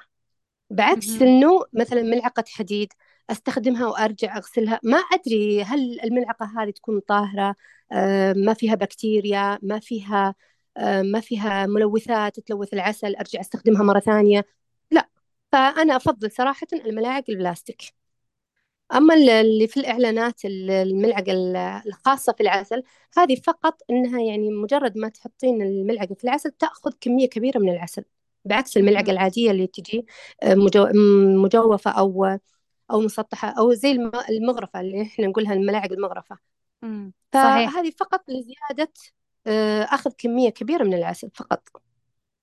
يعني ما في ولا شيء يعني يثبت إنه آه لازم تاكل العسل آه في ملعقة خشب. يعني عادي آه زي ما قلتي انت ملعقة بلاستيك آه طبعا انت تفضلينها من وجهة نظرك. وأكيد حنا ناخذ الشيء اللي انت آه تقولينه لنا لأنك ما شاء الله خبيرة بهذا المجال. الله آه، يسعدك يجعل خير مما تظنون. إذا بما أن يعني تكلمنا عن النحلة والعسل وكذلك يعني كيف ناكل العسل خلينا نرجع مرة ثانية ونسأل هذا السؤال بشكل مخصوص حتى تتكلمين تعيدين لنا المعلومات مرة ثانية بس بشكل مخصص ما هي الأمراض التي يعالجها العسل؟ ذكرتي أنت السدر وذكرتي الطلح وذكرتي آه العديد من أنواع اذكريها بشكل مختصر يعني مثلا السدر يعالج كذا كذا كذلك الطلح يعالج كذا كذا بشكل مختصر بحيث أننا يعني تمام. يوضح للمستمع. تفضلي. تمام. آه، أولا لابد يكون عندنا قناعة أنه ما يعالج الحالات المرضية آه، أنه العسل ما يعالج الحالات المرضية إلا بأمر الله. هذا أول شيء. لازم يكون عندنا يقين تام أنه هو الشافي هو الله. لكن الله سبحانه وتعالى وضع أسباب آه، تجعل الإنسان يعني يلتجئ لهذه الأشياء لأجل يبحث عن اللي هو العلاج. من ضمنها العسل. العسل سبحان الله العظيم الله ذكر في القرآن الكريم في سورة النحل تحديدا يخرج من بطونها شراب مختلف ألوانه فيه شفاء للناس. وكثير من الناس يعني وكثير حالات تجيني آه إنهم استفادوا كثير من من العسل اللي أخذوه من عندي أو سواء أخذوه من أي نحال ثاني. أهم شيء إنه يكون يعني عسل مضمون موثوق وعسل طبيعي مية بالمية. هذا أهم نقطة. الحالات المرضية اللي عالجها النح... العسل اللي هو عسل الطلح عالج كثير من الحالات المرضية الصدرية اللي هي تصيب الصدر مثل التهاب الحلق اللوز الكحة المستمرة. يعني في أحد من الأشخاص آه، أخذ مني العسل ومجرد ما أكل ملعقتين تقريبا أو ملعقة والله ما أذكر بالضبط لكن مجرد ما أكل هدت عنده الكحة. والله أرسل يتشكر يقول ما خليت علاج ما استخدمته. مجرد ما أخذت ملعقة عسل من الطلح هدت عندي الكحة. يعني العسل الطلح معروف أنه للأمراض التنفسية الجهاز التنفسي الأمراض الصدرية اللي هي الكحة الناتجة أحيانا عن التهاب أو شيء زي كذا. كذلك يعالج الأمراض الباطنية. الأعسال الشوكية تعالج الباطنية من ضمنها الطلح والسدر والأثل كذلك ممتاز جدا للأمراض الباطنية. العسل السدر كذلك من الأعسال اللي يستفيد منها اللي فيهم تقرحات المعدة اللي فيهم جرثومة المعدة اللي فيهم التهابات وحرقان والأشياء هذه اللي, اللي في المعدة. آه، عالجهم عسل السدر كثير. وخصوصا لما أضاف عليه اللي هو البروبلس اللي هو العكبر المضاد الحيوي اللي نستخرجه من النحل. يعني نضيف له بعض أحيانا أسوي أنا خلطات آه، ما أخذها إلا من دكاترة. يعني ما أسويها من راسي كذا لا. أستشير فيها دكاترة وبنسب معينة آه، مثل اللي هو تقوية المناعة فيه غذاء الملكات مع عسل السدر مع حبوب اللقاح يعني هذه خلطة نسويها تقوي المناعة عند الشخص. لكن بنسب ومقادير محددة معينة. فهذه من ضمن الأعسال وكذلك عسل الزهور يعني بغض النظر عن قيمته يعني سعره القليل لكن فوائد عظيمة صراحة. وكثير من الناس يجهله والثقافة فيه جدا جدا ضئيلة. يعني عسل البرسيم معروف أنه يعالج الجروح يعالج التقرحات القدم القدم السكرية الأمراض السكر أحيانا اللي فيهم مرض السكر آه، تصيبهم تقرحات أحيانا أو جرح مثلا. العسل البرسيم أفضل علاج لتقرحات الأقدام السكرية. آه، مناسب كذلك للأطفال هو أنسب عسل للأطفال بحيث اللي مثلا عنده الشهية ضعيفة آه، بالإمكان نسوي له مثلا خلطة في عسل اللي هو البرسيم مضاف لها غذاء الملكات مضاف لها حبوب لقاح كل هذه منتجات من النحل نفسه يعني منتجات طبيعية بحيث أنها تعالج عنده مثلا ضعف الشهية الهزل يعني أحيانا يكون الطفل ضعيف شارد يعني فيه أشياء بنسب معينة اللي هو مثل الغذاء الملكات حبوب اللقاح نضيفها مع عسل البرسيم لأنه هو أنسب شيء للأطفال بحيث أنه خفيف وحالي بنفس الوقت بارد بارد على باطنية الأطفال يعني. فهذه من ضمن الأشياء العلاجية اللي نستخدمها. الأعسال أنت ذكرتي يعني ببداية آه، البودكاست إنه عسل الطلح أفضل عسل لأمراض السكر. بس حبيت إني يعني أرجع أقول هذه المعلومة. هل المعلومة صحيحة اللي قلتها؟ نعم. نعم. صحيح. لكن شرط إنه يكون مريض السكر ما في تقرحات في المعدة. لأن العسل الطلح نسبة الحموضة فيه عالية فتأثر على المعدة اللي فيها تقرحات أو فيها جرثومة معدة أو فيها آه، حموضة. أو فيها التهابات يعني في معنى فيما معنى. أه تكون الحموضة عالية فتزيد من التهاب المعدة أكثر. إذا يعني هذه هذه من ضمن الأشياء اللي أنت آه، تحرصين إنك أيوة تخلين المستمع يعرفها.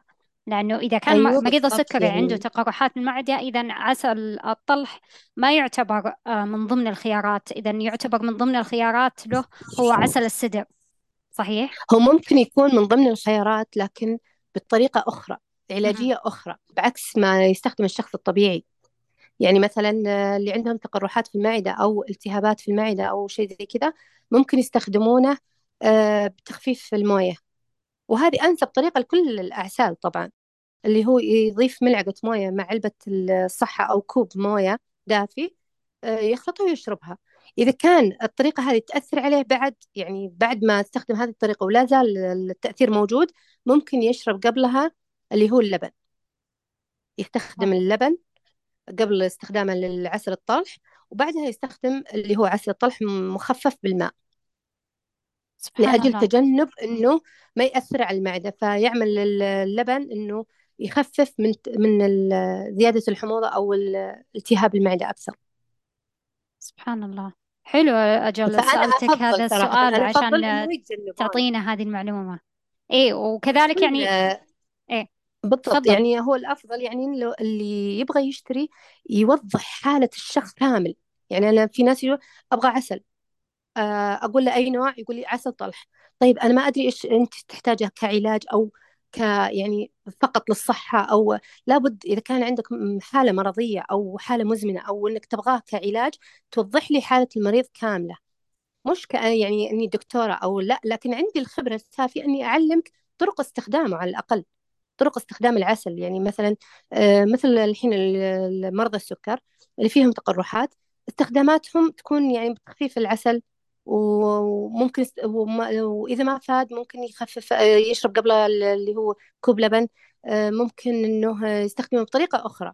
لابد توضيح الحالة المرضية اللي للشخص نفسه على أساسه نقدر نعطيه وننصحه بالطريقة الأفضل للاستخدام أكيد يعني المستمع راح يستمع ويتعلم ويحدد النوع المناسب له من العسل وأكيد نوجهك أنك تطلب من الأستاذة نورة. طبعا إذا نزل هذا البودكاست وهذه الحلقة في مواقع التواصل الاجتماعي راح يتم نشر مواقع التواصل الاجتماعي وكذلك راح يتم نشر طريقة التواصل للطلب منها وراح نعرف آه، خلال هذه الأسئلة آه، وش الباقات الموجودة عندها آه، للعسل وكذلك الأنواع المتواجدة بإذن الله. عندها.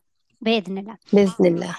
طيب في معلومة قرأتها صراحة حبيت أسألك إنه يعني دائما الطعام له تاريخ انتهاء آه فالعسل هل هناك مواد تفسده بحيث إنه يعني يعتبر زي ما إنه يعني منتهي الصلاحية أو ما يصلح إنك تاكل من هذا العسل هل هناك هذا الشيء ولا لا؟ أي شوف العسل هو المنتج الوحيد الطبيعي اللي ما له تاريخ انتهاء لكن ينتهي بطريقة الاستخدام الخاطئة كيف؟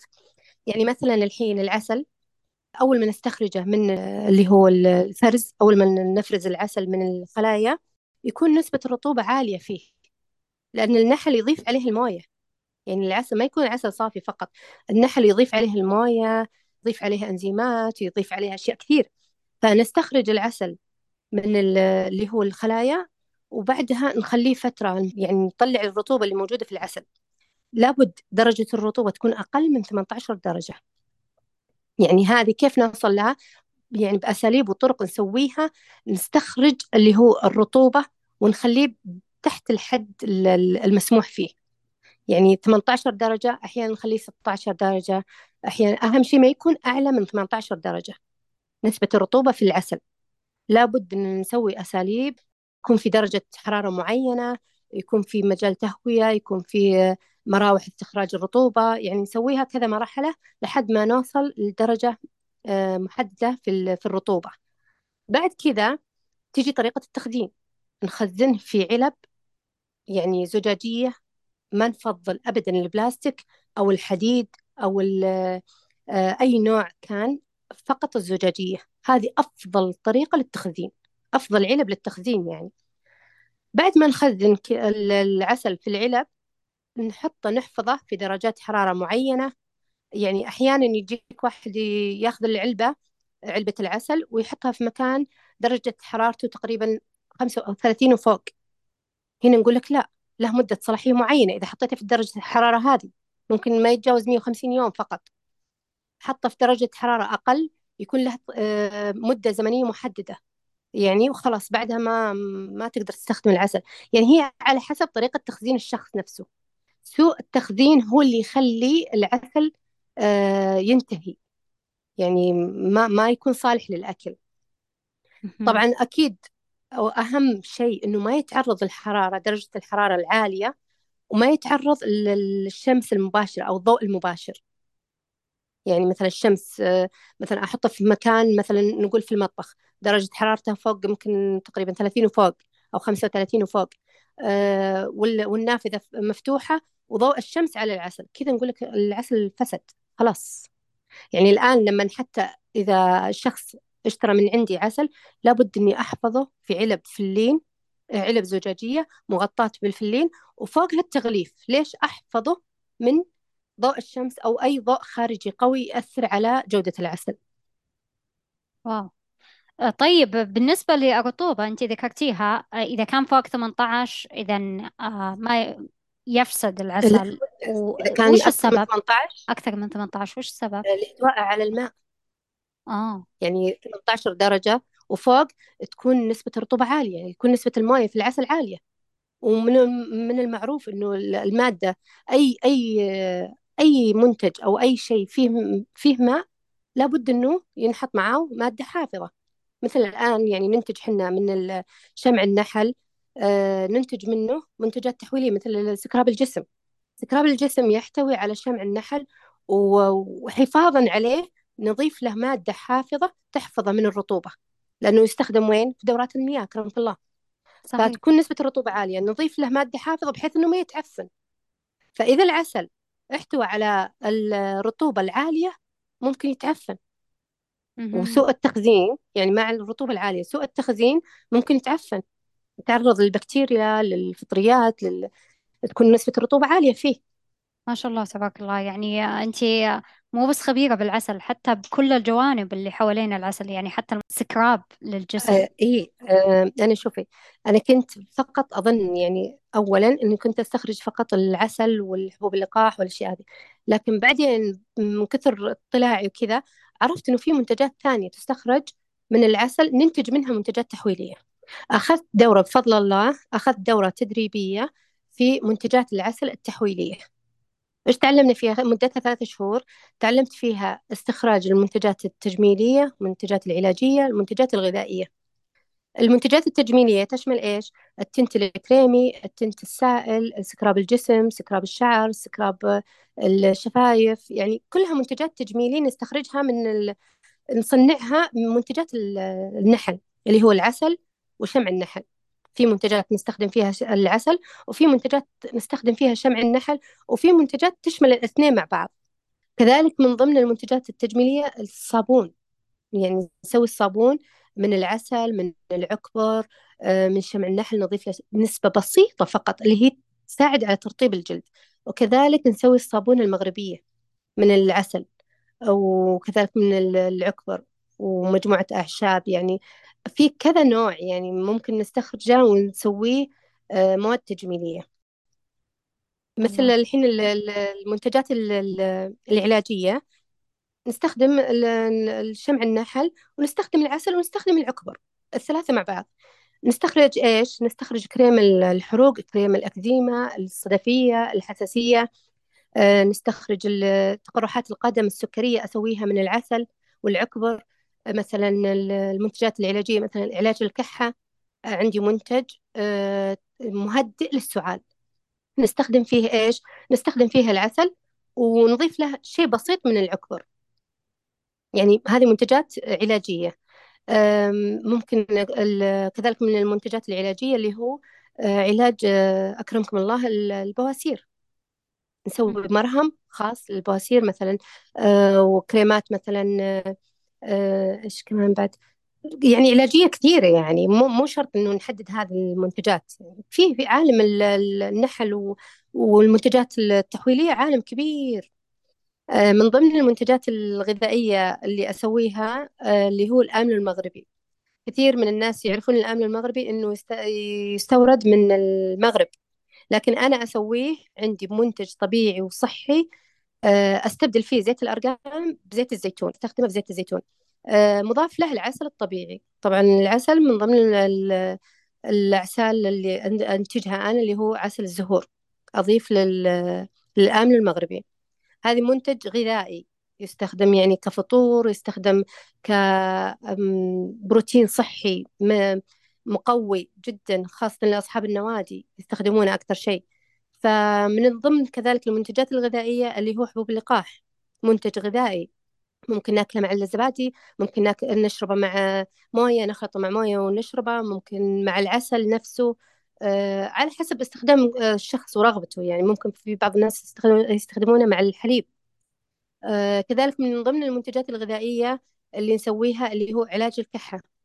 آه مهدئ للسعال أنا نسميه مهدئ للسعال. آه يستخدم فيه عسل الزهور. نستخدمه كذلك كمنتج غذائي يساعد في تهدئة السعال في تهدئة الكحة عند الأطفال يستخدم طبعا لجميع الأعمار. آه، كذلك من ضمن المنتجات الغذائية اللي هو تقوية المناعة. يعني نسوي مثلا خلطة خاصة في تقوية المناعة يشمل اللي هو حبوب اللقاح وغذاء الملكات والعسل. وكذلك في خلطات للخصوبة. لزيادة نسبة ال ال الإخصاب لدى النساء والرجال. فهذه من ضمن المنتجات الغذائية اللي تعلمناها في في الدورة. واو.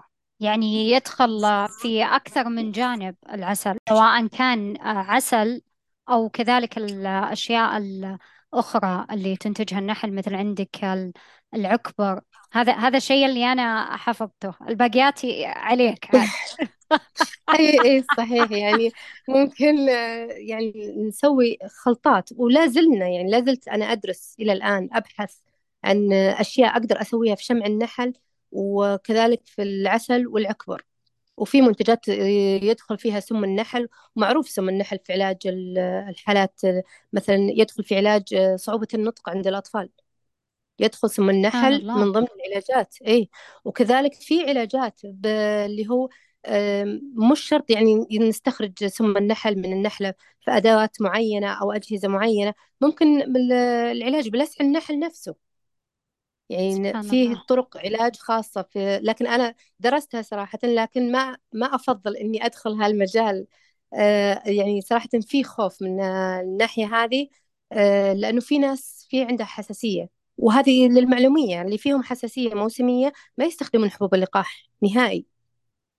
الحساسية الموسمية أنا من ضمن الناس اللي فيني حساسية موسمية ما أستخدم فيها حبوب اللقاح وإذا جيت أنتج حبوب اللقاح تشوفيني بشكل ثاني. يعني يصير في صعوبة في التنفس يصير في اختناق فيه أحيانا كحة عطاس. يعني هذا اللي فيهم حساسية موسمية يتجنبون حبوب اللقاح. وكذلك سم النحل. في ناس تتحسس من سم النحل. فلذلك أنصح اللي فيهم حساسية ما يعالجون أنفسهم بحبوب اللقاح أو لسع النحل. سبحان الله. أول مرة أعرف هذه المعلومات.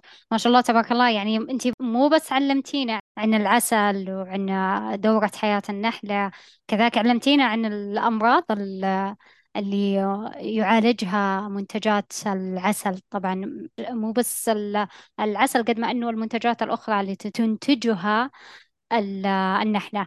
طيب الحين أنت إذا بغيتي تخرجين مثلا العسل تستخدمين الدخان. طيب متى الوقت المناسب لإخراج النحل من هذه الخلية حتى إنه يعني أطلع العسل؟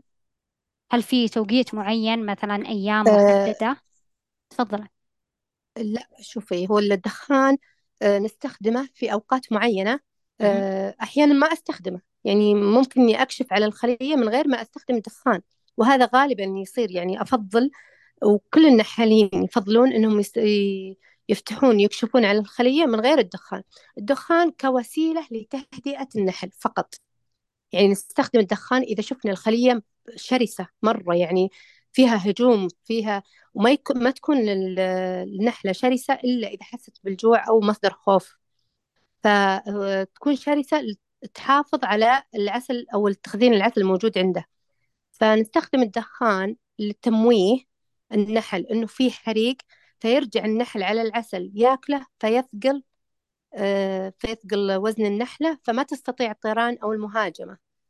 آه، يعني إحنا نستخدمه كتهدئة فقط بحيث إني أكشف أقدر أكشف على الخلية. في بعض الخلايا تكون طبيعتها شرسة طبيعة موروثة من من الملكة أو من الذكر اللي هو النحل. يعني طبيعة موروثة في في سلالة النحل هذا تكون شرسة طبيعتها شرسة. فنحاول تهدئتها في الدخان بحيث أنه نوهمها أنه في حريق فتهدأ وترجع تاكل العسل وتثقل ما هي قادرة على الهجوم ولا هي قادرة على الطيران. سبحان الله. آه وكذا اي فاحيانا كذلك نستخدم دخان الدخان اللي هو أحيانا نحط آه، مثلا عشبة الشيح.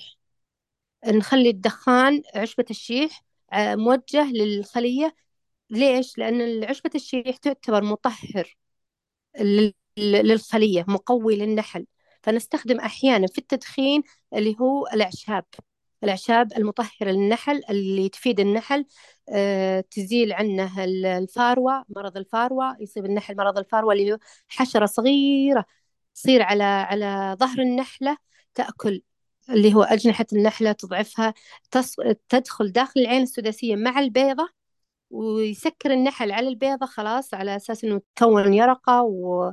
وإلى أن تكون حشرة كاملة.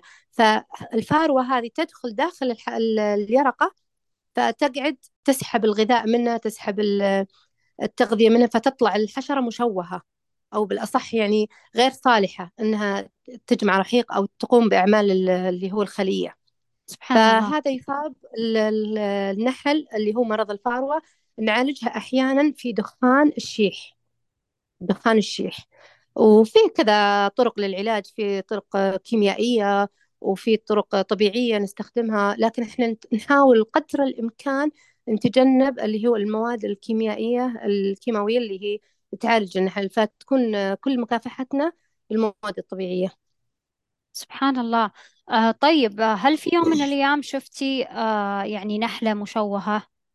وكيف مثلا إيه أكيد. اكتشفتي اكتشفتي إنه يعني دخلت هذه الحشرة الصغيرة وصارت بظهر ال- النحلة نشوف و... بالكشف. يعني لابد إن صاحب المنحل لابد يكشف عن المنحل. يعني مثلا بالصيف مثلا كل خمسة أيام كل أسبوع لازم يفحص المنحل كامل خالي من الأمراض. في أمراض التعفن الأمريكي في أمراض يعني أمراض عديدة. لو بعددها الحين ما راح تعرفين إيش إيش اللي أتكلم عنه بالضبط؟ فيه أمراض فيه مثلا الحين إذا ضعفت الخلية يصيبها مثلا العثة. مرض هذه العثة تهجم هي فراشة صغيرة تهجم على الخلايا الضعيفة فتبيض في نفس العيون السداسية هذه. وبعد ما تبيض تتحول البيضة إلى يرقة فتبدأ اليرقة تعشش في نفس الخلية فيهجر النحل الباقي يطلع من الخلية ككل. يعني يترك ال ال هذه من ضمن الأعداء اللي صراحة سبحان الله. تقولين إنه نتعب نتعب جدا. هي مرض الفاروة يجي خصوصا في الشتاء. يعني نتعب فيه لابد اللي يصير في مقاومة وفيه علاجات وفيه جدول نمشي عليه و... ومثلا نحط له تغذية مثلا آه، بماء الشيح آه، نضيفه للموية اللي هي النحل بحيث إنه النحل آه، يشرب الموية فيها فيها فيها شيح. يعني نطبخ الشيح اللي هو عشبة الشيح. ونضيفها ال- الماء الشرب حق النحل بحيث إنه يعطيه مقاومة للأمراض ومقاومة مهم. ومناعة زيادة مناعة. يعني في كذا طريقة نسويها بحيث إنه المنحل ما يهلك. فيه مصادر عدائية يعني تهاجمنا مثل طائر الوروار آه، بإمكانه إنه يهلك خلية كاملة بيوم. واو. فتجينا يعني أمراض لابد أن نستخدم فيها التدخين وفي بعضها نستخدم فيها اللي هو آه، مع مشرب الماء حق ال- ال- النحل يعني. سبحان الله. لأول مرة إيه. صراحة أنا على بالي إنه يعني الدخان تستخدمونه إذا مثلا تبون تطلعون آه الخلية وتأخذون العسل فقط لا غير. ما على بالي لا جاء إنه يعني استخدامات كثيرة من ضمنها المناعة ما على بالي أصلا إن النحل يتم مهاجمتها من حشرات أخرى. يعني لما قلت إنه عمرها آه، آه، 45 صحيح؟ 45 يوم؟ أيوة. اي على بالي خلاص. 45 يوم. على بالي خلاص بس إنه ممكن يعني في فصل الشتاء في فصل. الشتاء يزيد عمرها. ليش؟ لأنها ما تبذل مجهود لأنه ما في تزهير أساسا في في فصل الشتاء. فيكون عمرها أطول. لأنها ما تستهلك ال- البروتين وت- وتجهد آه، يعني تجهد نفسها في ال- في الأعمال الخارجية. فيكون كل شغلها آه، تقريبا يكون داخلي. فيكون سبحان عمرها الله. أطول في في الوقت هذا في الشتاء خصوصا. لكن الصيف لا. آه، مع كثر البذل الجهد وال والعوامل والأشياء هذه يقصر عمره يصير آه، آه، 45 يوم فقط.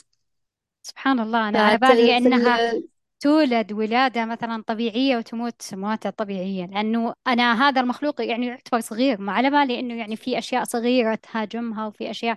لا لا سبحان في الله. في أحيانا ممكن يكون عمرها أسبوعين 15 يوم تنتقل منه من الأعمال الداخلية إلى الخارجية. تنتقل يعني لجمع الرحيق وهذا. ممكن من أول ما تخرج من الخلية أول رحلة لها آه، يهاجمها طائر الوروار طائر. الوروار هذا يهاجم المنحل كامل يعني إذا ما تمت مكافحته بالطريقة اللي المتعارف عليها أو إنه يعني كذا طريقة النحال يعرفها شخصيا فبالإمكان إنه يهلك المنحل كامل اللي هو طائر الوروار. آه، فعمر النحلة يعني غير مقتصر إنه فقط إنه مثلا من تولد إلى إلى أن تموت إنه هذا عمرها المحدد. لا ممكن يجيها عوامل أخرى تقصر من عمرها زيادة. سبحان الله. سبحان أما الله. بالنسبة للتدخين فالتدخين شيء أساسي ويعني أنت النحال الآن كأنك دكتور أمامك مريض. لابد أنك تعالج تعالج المريض هذا بالطرق اللي أنت تعلمتها أو اللي أنت درستها أو اللي أنت كسبت خبرة فيها. التدخين نعالجه زي ما قلت في الأمراض اللي تصيب المنحل منها الفاروة منها التعفن الحضن الأمريكي التعفن الحضن الأوروبي آه، التحجر الأشياء هذه كلها تصيب اللي هو الخلية. فالتدخين ما يستخدم فقط إنه بس أستخرج العسل لابد إني أدخن وأطلع. أحيانا ممكن أطلع البراويز من غير ما أستخدم التدخين.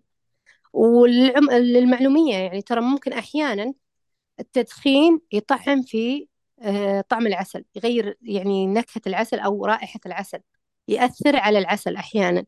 فلذلك نتجنب قدر الإمكان أننا ندخن على الخلية آه، إذا كان ما فيها مرض أو أو حاجة تستدعي إني أدخن. سبحان الله. سبحان الله. أنا كتبت السؤال ترى إنه يعني من ضمن الأسئلة أنا قاعدة أشوف يعني دائما يستخدمون طريقة الدخان وإنه يعني إخراج قلت إنه يعني أبى أسألك ما عرفت إنه يعني مو بس لإخراج العسل كذلك لمساعدة النحلة على اكتساب المناعة ومثل ما ذكرتي آه، أيوة بالإعشاب. هذه أول مرة صراحة نسمعها فأنا مستمتعة بهذا الموضوع. آه، لا هو يعني فعلا يعني ما كنا نظن بالبدايات ما كنا نظن إنه التدخين يستخدم فقط لاستخراج العسل. ما كنا نظن إنه علاج يعني إلا بعد ما يعني تعمقنا في المجال هذا وعرفنا إنه في تدخين علاجي في تدخين آه، لتهدئة النحل في تدخين آه، أحيانا يساعدك على إنك تقدر تفرز العسل من غير هجوم النحل. يعني في كذا طريقة للتدخين مش فقط إنه لاستخراج العسل. طيب آه الحين آه يعني أنا مستمتعة بهذا الموضوع لكن أنا حابة إني آه أكمل. المحاور الموجودة عندنا. آه لما تواصلت معك آه في الواتساب آه قلتي إنه عندي فرز للعسل. آه فمتى صحيح. يتم الفرز للعسل؟ بعد كم يوم يعني؟ كم تاخذ وقت الخلية حتى تقولين خلاص الآن هو اليوم هو يوم الفرز؟ شوفي هو الفرز يعتمد على كذا نقطة. مثلا الآن يعني يعتمد على مثلا إنه أنا شريت النحل مستورد يعني تكون الملكة آه، هل الملكة ملقحة أو عذراء جديدة؟ يعني لسه خارجة من البيت الملك ما تلقحت إلى الآن. فيعتمد هذا بإني أعرف متى أفرز. مثلا الآن شريت اللي هو الطرد أو اللي هو المرزوم النحل المستورد. سكنته في الخلية. أنتظر ثلاث أيام لحد ما تتلقح الملكة. وضعت البيض اليوم الأول اليوم هذا وضعت البيض ونزلت الخلية في في الموقع الطلح مثلا على أساس أنه أنتج عسل الطلح. قبل خروج الحضنة أفرز العسل. يعني متى بالضبط؟ بعد 19 يوم أفرز. هذا يحكمني أنه الملكة اللي وضعت البيض بحيث أني أفرز العسل قبل تطلع الحضنة. اللي هي النحلة المكتملة الحشرة الكاملة. بعد مراحل اللي هو البيضة واليرقة وال... والأشياء هذه. قبل ما تفقس الحضنة أنا أستخرج العسل. بحيث أنه إذا إذا طلعت الحضنة ترجع على العسل اللي جمعه النحل فتتغذى عليه لأنه لسه خارجة ومحتاجة غذاء. عرفتي؟ فأنا ممكن إني أفرز قبل آه، خروج الحضنة. بس لكن ما أفرز اللي هو البرويز كاملة. لابد إني أخلي جزء بسيط للنحل الخارج هذا بحيث إنه يرجع يتغذى عليه. ما أتركه يعني مثلا يخرج من اليرقة وأخلي ما عنده تغذية. راح يموت عليه. هو لسه جديد. يعني أنا بالعكس أنا أستفيد إذا كان جديد لأنه يكون بعمر الشباب يقدر ينتج لي عسل أكثر. كل ما كان عمر النحلة صغير كل ما كان أنتج لي أكثر عسل أكثر. فهنا يحكمني اللي هو آه، عمر اللي هو الحاضنة إني أفرز قبل قبل ما تخرج الحضنة أما إذا كان إنه موجودة مثلا آه، المنحل عندي سابقا فهذا على حسب آه، يعني وضع الخلية. يعني في خلايا ممكن أحيانا ترى للمعلومية يعني ممكن أحيانا أنزل على موسم أطلع منه ما طلعت ملعقة قد ملعقة عسل؟ مو شرط يعني أحيانا ممكن الأجواء ما تناسب.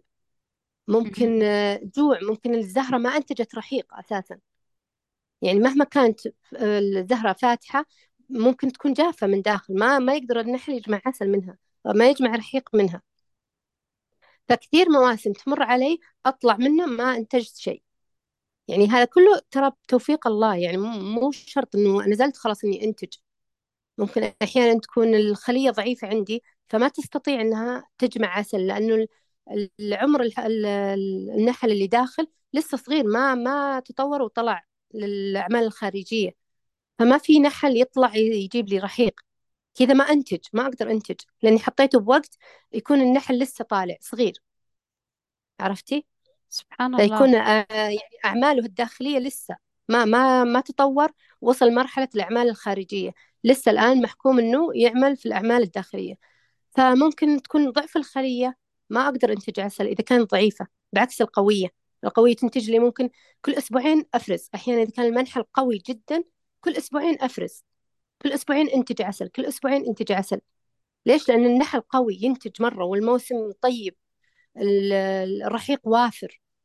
آه، أم ممكن إني أنزل في مكان موسم مثلا آه، يكون فيه الرحيق معدوم. فهنا ما أقدر أنتج. ما عندي إنتاج. فأطلع ما طلعت ولا ولا ملعقة ولا قد ملعقة. سبحان الله. فهذه أسباب يعني هو يعتمد يعني على الأجواء ويعتمد على تواجد الزهور مثل ما قلتي. أيوة. تواجد الزهور ممكن بعض الزهور ما فيها رحيق ممكن يكون الزهور كثير لكن ما فيها رحيق ما أقدر أنتج آه. عسل. إذا ما فيها رحيق مستحيل إني أنتج عسل. مهم. طيب أنت تقولين خروج ومواسم آه، كم وقت تقعدين؟ يعني على بال ما تفرزين العسل وتنتجين العسل. كم يم يمكن آه تقريبا؟ كم يوم؟ يعني ممكن آه أحيانا زي ما قلت لك ممكن بعد 19 يوم مهم. من أول ما نزلت على الموسم أن أنتج. وممكن إنه بعد 25 يوم ممكن مهم. 20 يوم على حسب يعني. يعني هو الكشف على الخلايا يحكمك متى تنتج العسل متى تفرز العسل. ممكن يعني أنا أجي أكشف على ال- المنحى الكامل أشوف هل بإمكاني يعني ال- الإنتاج داخل الخلايا سهل إني أفرز الوقت هذا أو أنتظر شوي أو إني أستعجل قبل. فهو الكشف والفحص المستمر هو اللي يخليك تحكم متى تفرز بالضبط. بس يعني ما ما يزيد يعني أكثر من كذا. مثلا الحين موسم الطلح مهم. آه، تقريبا الحين لنا ممكن شهر وإحنا نازلين عليه. آه، انتجت تقريبا قبل أسبوعين. ما شاء ال- طبعا الله أنا عندي كذا موقع مش مش موقع واحد. فآخر موقع هو اللي نزلته بال بال بالتصوير بالحالة. آخر موقع هذا اللي فرزته وطبعا الموقع كان ضعيف لأني نزلته على موسم الطلح تقريبا قبل أسبوعين. يعني. ما يمدي النحلة تجمع العسل جيت أنا فرزت ليش؟ لأني مستعجلة آه، بنقل النحل من موسم الطلح على موسم الأثل لأن خلاص بدأ تزهير الأثل. فاستعجلت إني آه، أفرز ال- اللي هو المنحل وأنتقل إلى موسم الأثل. فهو واو. أحيانا الظروف آه، يعني تجبرك إنك تفرز أحيانا المنحل تشوفه ضعف بدأ النحل يرجع على العسل ياكله فتفرز قبل النحل ياكل العسل كامل. يعني أحيانا الظروف اللي تجبرك تحدد متى بالضبط تفرز العسل. سبحان الله يعني بمثابة يعني إنك تراقبين النحل بشكل يومي. أيوة بالضبط. مش بشكل يومي بس بشكل دوري. يعني ما تتغافل عنه ما ما ما تهمله آه، ما تتركه تقول لا خلاص يعني أنا كشفت عليه اليوم ما راح أكشف عليه إلا بعد أسبوعين. لا غلط. يعني لابد إنك كل بعد خمس أيام كل بعد أسبوع ترجع تكشف عليه تشوف هل فيه ملكة هل الخلية فقدت. ما أحيانا بعض الفرز يفقد. الملكات. يعني إذا جيت فرزت مثلا هو عسل الطلح آه، أرجع من بعد آه، يومين أو يوم آه، أفحص الخلايا أحصل الملكة مش موجودة. ممكن بطريقة الترجيع ال- اللي هو البراويز ممكن أكون بغير قصد ذبحت الملكة. ممكن الملكة تكون كبيرة سن خلاص فتموت. ممكن إنه النحل شاف الملكة طبعا الملكة للمعلومية هي تفرز هرمون خاص فيها يعرف النحل إنها موجودة. إذا فقد سبحان الله. النحل هذه الرائحة عرف أن الملكة مش موجودة. يا أنه يستبدلها آه، عفوا يا أنه ي... تكون فيه بيض ينتخبه بعمر محدد يغذيه تغذية آه، آه، ب- اللي هو غذاء الملكات ينتج منه نحل آه، ينتج منه آه، عفوا اللي هو ملكة. أو أنه مثلا تكون الملكة كبيرة كبيرة بالعمر فيربي ملكات جديدة ما يقتلها النحل إلا بعد ما يتأكد من تلقيح الملكة الجديدة. احتياطا. شوفي سبحان الله. ما يقتلها النحل إلا بعد ما يتأكد من تلقيح الملكة الجديدة يقتل الملكة الكبيرة في السن. أو مثلا نقول العايبة. مثلا من كسر الرجل أحيانا من من بعض الفرز تنكسر الرجل أو ينقطع جناح اللي هو الملكة فتصير عايبة. خلاص يستبعدها النحل مباشرة لو كانت جديدة بس فيها عيب يستبعدها النحل عن الخلية يبدلها بواحدة ثانية. سبحان الله. فبعد ما تتلقح الملكة الجديدة ويتأكد النحل إنه إن الملكة الجديدة خلاص تلقحت وفرمونها صار عالي وغطى على الخلية كامل يروح للملكة الكبيرة في العمر ويعانقها اللي يسمونه عناق الموت. شفت يعانقها احتراما. هذا. أيوة بالضبط. هذا يسمونه عناق الموت. يعانقها النحل بحيث إنه يرفع درجة الحرارة لحد ما تموت الملكة. خلاص.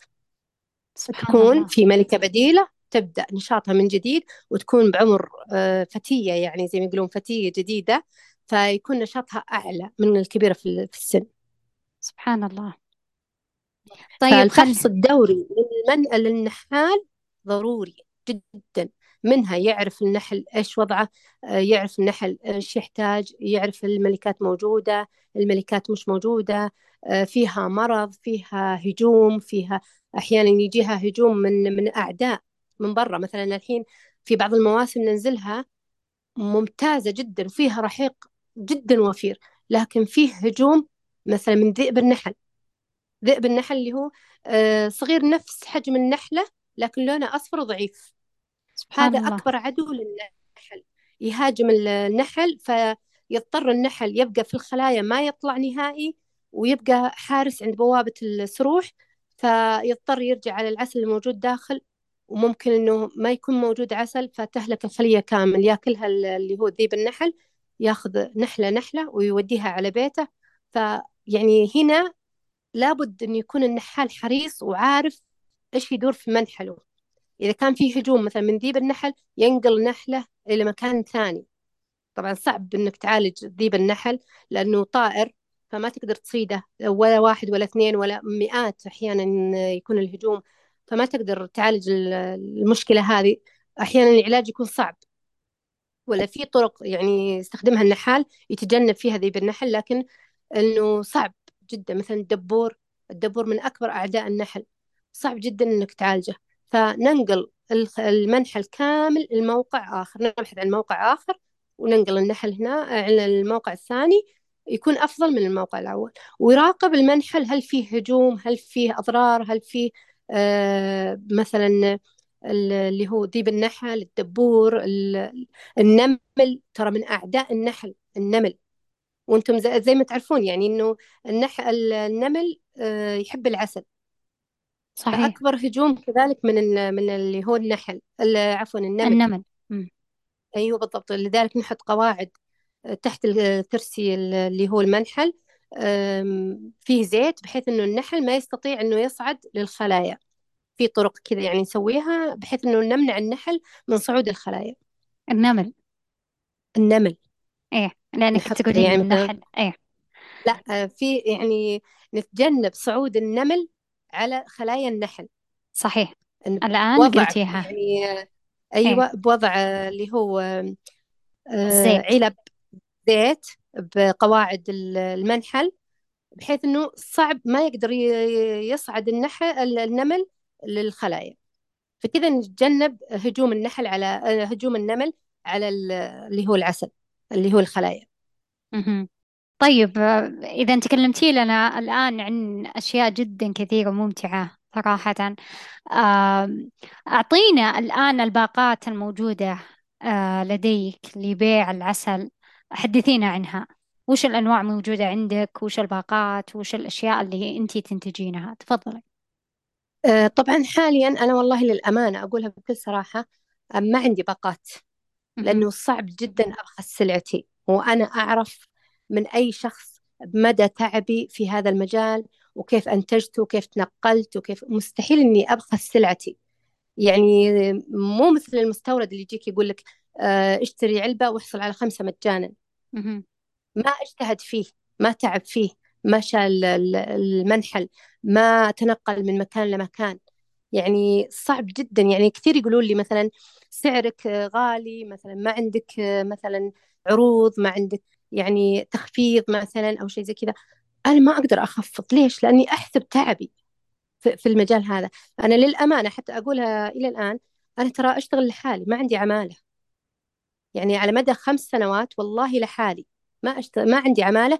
ما جبت العامل وإلى الآن تحت التدريب إلا قبل شهر أو عفوا شهرين. ليش؟ بعد بإصرار من الدكتور بسبة التهاب الأوتار عندي في ال في ال في اليدين. من إيش اللي هو الالتهاب هذا؟ من كثر ما أشيل صناديق اللي هو الخلايا صناديق النحل من كثر ما أتنقل من مكان لمكان فكنت أشيل وأحط أشيل وأحط لحد ما أصابني التهاب في الأوتار. فكثير يقول لي لا ليش؟ أنت ما جربت. تعال جرب شيل المنحل معي مرة واحدة فقط من مكان لمكان وشوف التعب. وذيك الساعة قول لي هل يستاهل التخفيض أو لا. فأنا مش يعني ضد إنه أسوي باقات أو أسوي عروض أو أسوي لا والله لكن حاليا أدرس إني أسوي باكجات مثلا package اللي هو منتجات النحل اللي مثلا بالنيلة مثلا scrub الجسم بالنيلة scrub الشفايف بالنيلة مثلا آه، صابونية المغربية بالنيلة يعني ك package عرفتي؟ فممكن إني أسوي كذا لكن إنه كعروض والله يسمحون لي ويعذروني لأني ما ابخس سلعتي للأمانة بقدر ما تعبت فيها وقدر ما راح تعوضني كثر اللي اللي, اللي يعني دفعته. يعني الآن حتى النحل نشتريه بمبلغ وقدره. العلب نشتريها بمبلغ وقدره. التغليف نشتريه بمبلغ وقدره. طيب كيف؟ والتعب وال وال والتنقلات وال والبنزين والأشياء هذه كلها أحسبها من ضمن التكلفة. ومن ابسط حقوقك أصلا. يعني بالضبط يعني حتى بس إني حبيت إنه أسأل آه يعني حتى توضحين آه هل عندك وش الأنواع الموجودة عندك وكذلك آه وش آه أنواع العسل الموجودة. فتفضلي كملي. آه أنواع العسل اللي هو اللي زي ما قلت لك اللي هو السدر آه الطلح آه طبعا السدر اللهم لك الحمد حاليا باقي لنا شهر إن شاء الله وننزل على موسم السدر. يعني الحين نازلين على موسم الأثل بعد الأثل يبدأ السدر. آه، باقي تقريبا شهر على موسم السدر وننتج إن شاء الله ننزل النحل ناخذ لنا يعني تقريبا يمكن شهر على حسب يعني وننتج إن شاء الله عسل السدر الآن السدر عندي انتهت الكمية اللهم لك الحمد بفضل من الله وثقة الناس. ثقة الناس فيني الإنتاج كامل خلص. انتهى يعني. آه لكن ينتظرون إن شاء الله في إنتاج قريب وجديد وأفضل إن شاء الله من المواسم الماضية. ما شاء الله تبارك الله. ما شاء الله. الله يزيدك ويبارك لك. ما شاء الله ما شاء الله. الله يسعدك. اللهم آمين. الله يجزاك خير. أنت تقولين خلص العسل عندك لأنه أنت متواجدة في مدينة آه، لوحدك. طبعا تكونين متواجدة آه، كأول نحالة في آه، مدينة حائل وكذلك يعني في الشمال بشكل عام. لذلك هناك يعني من ضمن الاستراتيجيات الموجودة في التسويق هي استراتيجية المحيط الأزرق. معناها أنه يعني أنك تكون في مساحة لحالك وما يكون فيها يعني منافسين آه، في هذا المكان. فلذلك يعني ما شاء الله تبارك الله يعني هذه تعتبر من ضمن الميز التنافسية لأنك أنت متواجدة كأول نحالة في مدينة حائل. فهذه هذه تعتبر من ضمن الميزات الأخرى المتواجدة لديك. طبعا أنت آه، تكلمتي عن كثير أشياء تميزك عن غيرك. من ضمنها يعني أنا استنتجتها من ضمن حديثك أنك إذا جاء الزبون آه، يطلب العسل.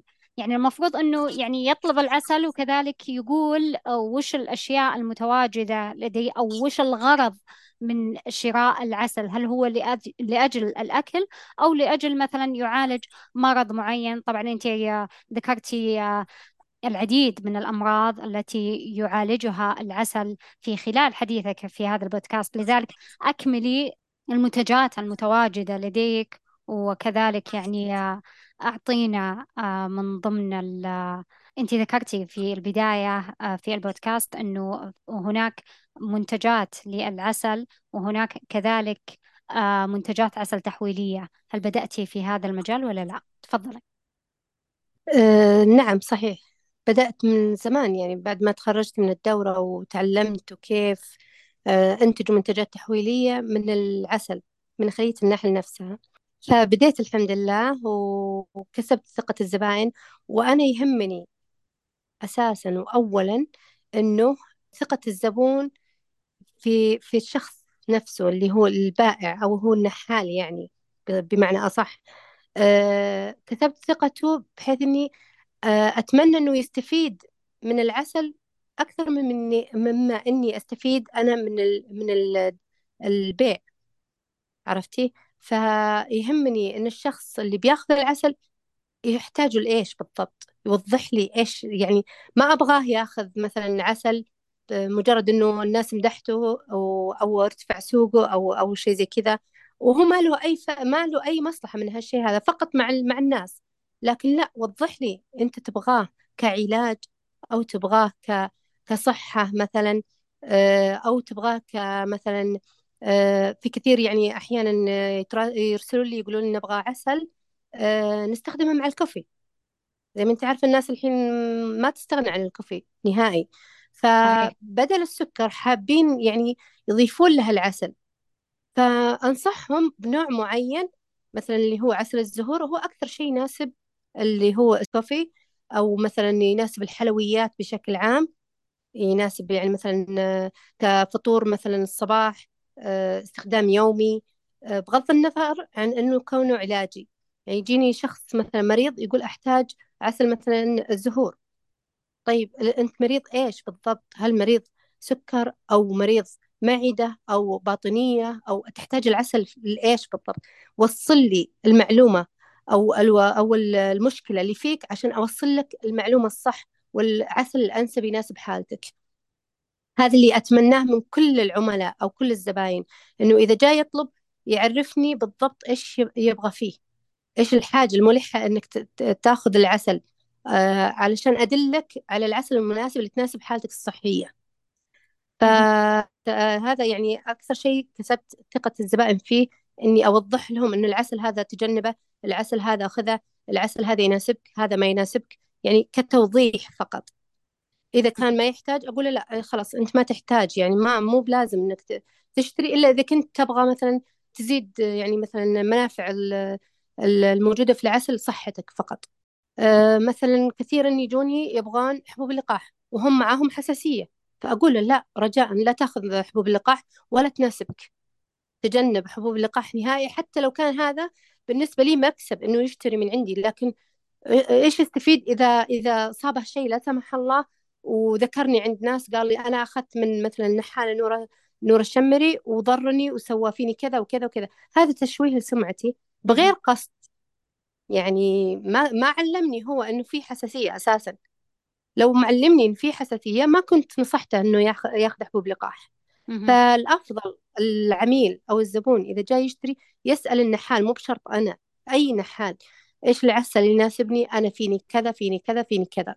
يوضح للنحال إيش المشاكل اللي, اللي هو عاني منها علشان النحال يوضح له إيش العسل المناسب له. مثل الدكتور بالضبط.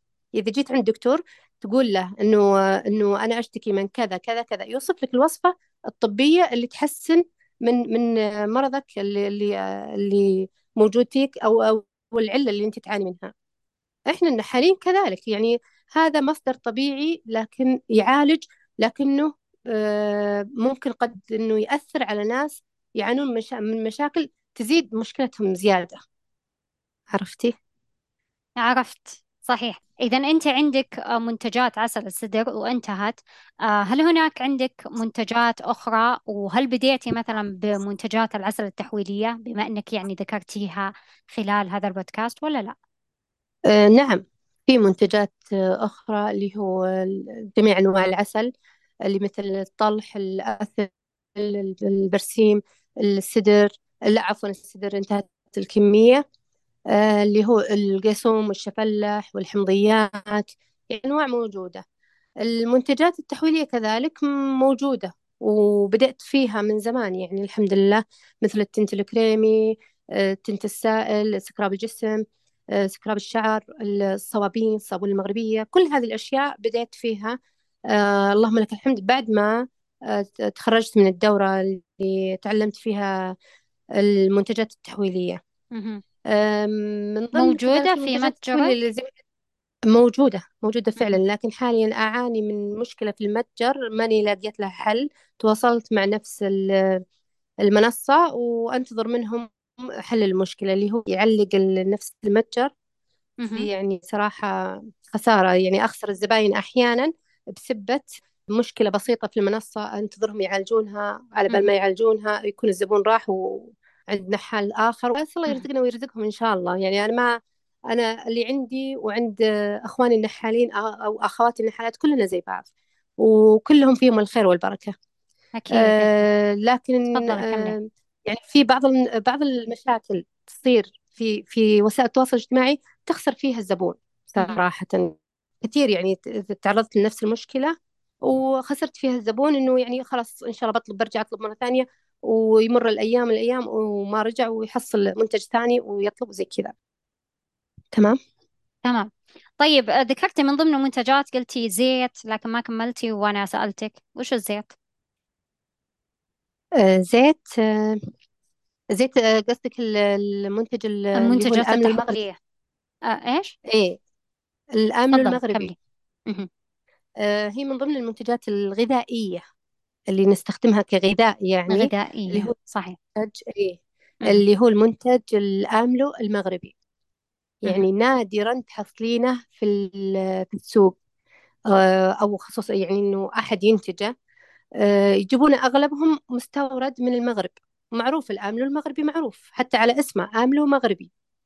آه، هم يستخدمون زيت الأرقان فيه. ومعروف زيت الأرقان بقيمته ال- الغذائية وقيمته المادية يعني منتج عالي عالي السعر.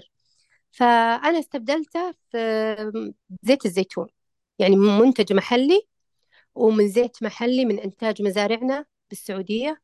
وكذلك العسل ال- الطبيعي من إنتاج مناحلنا من إنتاج مناحلنا اللي هو العسل الزهور. أضيفه للآملو وكذلك أضيف زيت الزيتون وأستخرج منتج غذائي اسمه الآملو المغربي. واو ما شاء الله تبارك الله.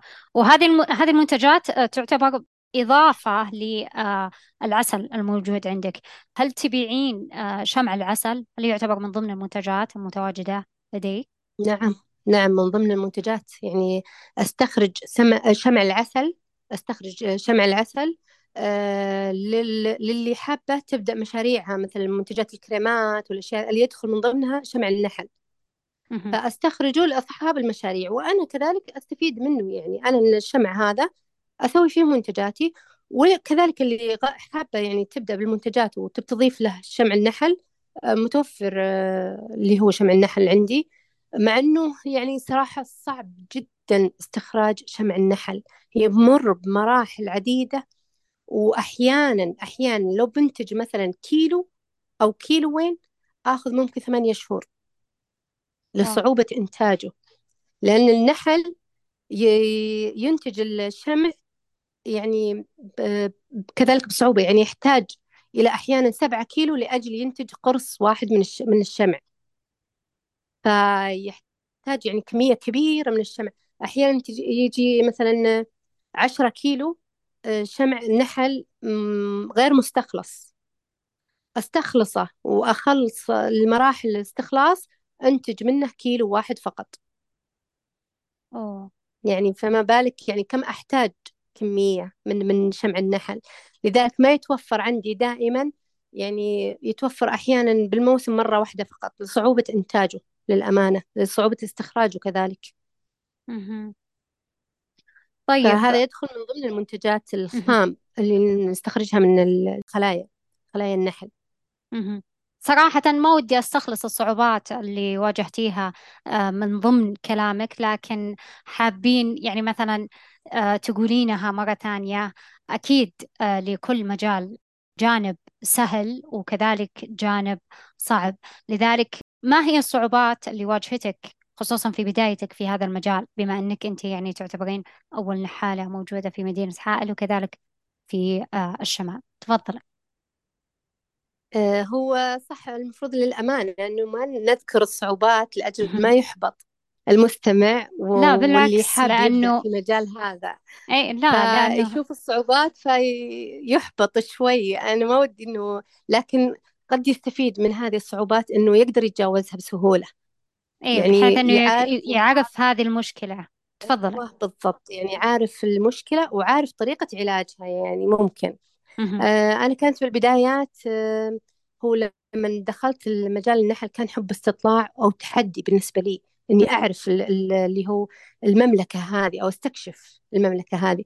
بدأت بخلية وشوي شوي خليتين ثلاث لحد ما تطورت وكنت مرة أفشل مرة أنجح مرة ومن ضمن الصعوبات اللي واجهتها فعلا إني من وين أكتسب المعلومات بحكم إنه المجال كله رجالي.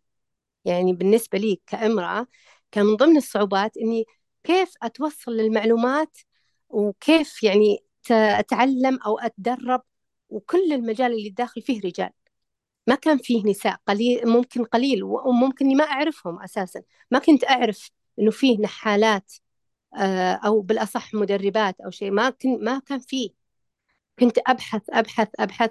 و- آه، وطبعا وسائل التواصل الاجتماعي هي فعلا اللي حفزتني إني تعرفت على نحالين وتواصلت معهم شخصيا وأسأله. أتابع مثلا في سناب شات أقول له مثلا. وكان أشوف يعني مثلا آه، البرواز. البرواز الخلية كانوا يقولون ممطوط. شوفي لدرجة يعني كنت ما أعرف كلمة ممطوط إيش تعني. يعني أستغرب أقول إيش الممطوط يعني أنت الحين تعرفين إيش الممطوط البرواز لا. الممطوط لا. البرواز الممطوط اللي هو ال- اللي بنى عليه النحل الشمع. يعني مطه النحل بالشمع بناه أها. بالشمع. أنا ما كنت أعرف. ما. ما كنت أعرف لأنه بدايتي كانت بالخلايا الأعواد ما كانت بالخلايا الأفرنجية اللي, اللي هو الصندوق الأبيض هذا وفيه براويز ما كان كذا. كان عود طويل وفيه داخل نحل النحل نفسه يبني الشمع من غير ما أنا أتدخل أو أحط برواز أو أحط شيء هو يبني أقراص ورا بعض ورا بعض ورا بعض. هذه من ضمن الصعوبات اللي واجهتني إني بديت في خلايا أعواد. كان المفترض إني أبدأ بخلايا صناديق. بحيث إني أي سهولة الكشف وسهولة وضع النحل وسهولة إني أشوف إيش تحتاج الخلية وإيش ما تحتاج. فكنت أشوف النحالين مثلا يقول لي هذا برواز ممطوط ما كنت أعرف وكنت أرسل له أقول إيش يعني برواز ممطوط قال لي إنه النحل بدأ البناء على هذا الق... هذا ال- ال- البرواز. بدأ الشمع يبني الشمع على هذا البرواز. وكنت أسأل كل بين فترة وفترة أسأل هذا إيش؟ ليش سويت كذا؟ ليش آه آه أنا عندي مشكلة مثلا إنه شفت النحل آه سوى الحركة هذه. إيش يعني؟ كانوا يجاوبون معايا الله يجزاهم خير يعني كانوا يجاوبون معاي ويعطوني معلومات و... وكانوا مستغربين يسألون يعني أنت نحالة ولا فقط كذا أسئلة؟ قلت لا أنا عندي نحل لكن حابة أتعلم زيادة. فكانوا يستغربون يعني إنه نحالة مرة أو بالأصح امرأة يعني في هذا المجال مستغربين مرة. فكنت أرد أقول الحمد لله يعني إذا كان هالشيء ما يخل في, في من الآداب شيء أو أو آه، حدود الله يعني إنه بين بين ال- الرجل والمرأة تواصل يكون في حدود معينة ما خليت في هذه الحدود الحمد لله ما يمنع يعني. فكانوا فعلا يعني مستغربين المجال وكانوا يدعموني. آه إنه لا سوي كذا آه كا- وحتى المواسم ما كنت أعرف متى موسم الطلح متى موسم السدر متى موسم الأثل متى ما كنت أعرف أساسا إنه حولي فيه مواسم لحد ما قعدت أسأل هذا إيش؟ تنتج إيش؟ فكانت هذه من ضمن الصعوبات إني يعني ما في مجال نسائي متخصص في هذا المجال أقدر أسأل بسهولة. آه كذلك من ضمن الصعوبات اللي هو التنقل من مكان لمكان. يعني أنت كونك تسألين امرأة فتواجهين صعوبة بين الرجل والمرأة في فرق بين القوة الجسمانية ال- اللي هو الحركة يقدر يعني بالنسبة للرجل يركب سيارته ويمشي مباشرة من غير ما يحتاج لا محرم ولا يحتاج آه، أي أحد وبإمكانه يجيب أي عمالة يشيل الصناديق يحطها في الحوض ويتنقل من منطقة لمنطقة. أنا لا كانت بالنسبة لي صعوبة صعوبة مرة صراحة. من أكثر الصعوبات اللي واجهتها صراحة التنقل من مكان لمكان. آه، يحتاج محرم يحتاج آه، قوة جسمانية آه، يحتاج مساعدة يحتاج إني أشوف الشخص اللي بيوديني هل هو فاضي ما هو فاضي. يعني لابد إني أعرف هل هل الشخص اللي بيوصلني للمنطقة هذه عنده التزامات أو ما عنده التزامات؟ السيارة محتاجينها مو محتاجينها؟ فكانت هذه من ضمن الصعوبات اللي أشد يعني ممكن نقول الصعوبات اللي واجهتني صراحة. وخصوصا إنه مكان مثلا أروح الموسم السدر 400 كيلو عني. فيحتاج مشوار طويل يحتاج جهد مضاعف يحتاج آه، آه، محرم يحتاج شخص يساعدك يعاونك. فهذه من ضمن الصعوبات اللي واجهتها. لكن يعني صعوبات البدايات آه، تعلمتي منها. يعني مثلا المواسم أكيد عندك أكيد. مثلا طريقة الوصول للأماكن. خلاص يعني صار عندك معرفة إنه بذلك التوقيت تروحين للمكان هذا يكون فيه مثلا طبعا على حسب معرفتك المسبقة إنه هذا المكان يكون فيه مثلا شجرة طلح. حتى يعني أطلع منه العسل. آه، بنفس الوقت يعني مع الخبرة مع الزمن آه، عرفتي حركات مثلا أو تحركات النحل. يعني شرحتيها بكل سلاسة وأنا أسمعها لكن بناء على خبرة. ما شاء الله تبارك الله خمس سنوات يعني ما هي يوم ولا يومين. فربي يوفقك ويزيدك إن شاء الله آه، في في هذا المجال وإن شاء الله بحول الله وقوته منتجاتك مو هو بس بهذه المدينة خارج هذه المدينة إن شاء الله آمين الله آه، كريم إن شاء يتم الله. طلبها وكذلك يتم آه، دعمك وأنا متأكدة من هذا الشيء. آه، بنفس الوقت يعني طوال فترة هذه الحلقة أنا جدا مستمتعة لدرجة أنه يعني في أسئلة سألتها للأستاذة نورة ما سجلناها يعني بس أنا حابة أني أعرف عن طبيعة هذا المخلوق الصغير اللي ينتج أجمل غذاء ويعتبر من ضمن الأغذية اللي بعد إذن الله سبحانه وتعالى هي شفاء لكل داء. صحيح. آه فالآن يعني ختام هذه الحلقة وصراحة أنا استمتعت ولاني حابة أني أختم لكن آه هذه هي طبيعة آه الأمور لكل بداية نهاية. لذلك آه ما هي رسالة اليوم منك للمستمعين أستاذة نورة؟ تفضلي. أنا صراحة ودي إنه المستمعين يفكرون في اللي هو إنتاج العسل أو خوض هذه التجربة بحد ذاتها. يعني صراحة تجربة ممتعة وعالم جميل بما أنه فيه صعوبات وفيه لكن أنتم قادرين على أنكم تتجاوزون هذه المراحل. مثل ما أنا تجاوزتها والحمد لله وصلت للي أطمح فيه وإن شاء الله القادم أجمل كذلك. آه، أي أحد أو أو آه، أي أي آه، رجل أو أنثى إذا أنت متفرغ أو أنت متفرغة وما حصلتي حاجة يعني تسوينها أو تبغين شيء مميز ادخلي مجال النحل. أنا أنصح كل الصراحة المستمعين أنهم يخوضون هذه التجربة يشوفون العالم هذا يستكشفونه. لما فيه من من فوائد ولما فيه من عجائب صراحة. يعني أنا ذكرت أشياء ترى بسيطة عند أشياء يعني ندرسها ونشوفها بعيوننا فأتمنى أنه يخوضون هذه التجربة وكذلك أتمنى أنه ما ما تتسرعون في شراء العسل إلا من أشخاص ثقة. يعني لا تتجهون إلى المستورد وأنا ما أقطع رزق الناس لا والله لكن آه، أبناء البلد أولى.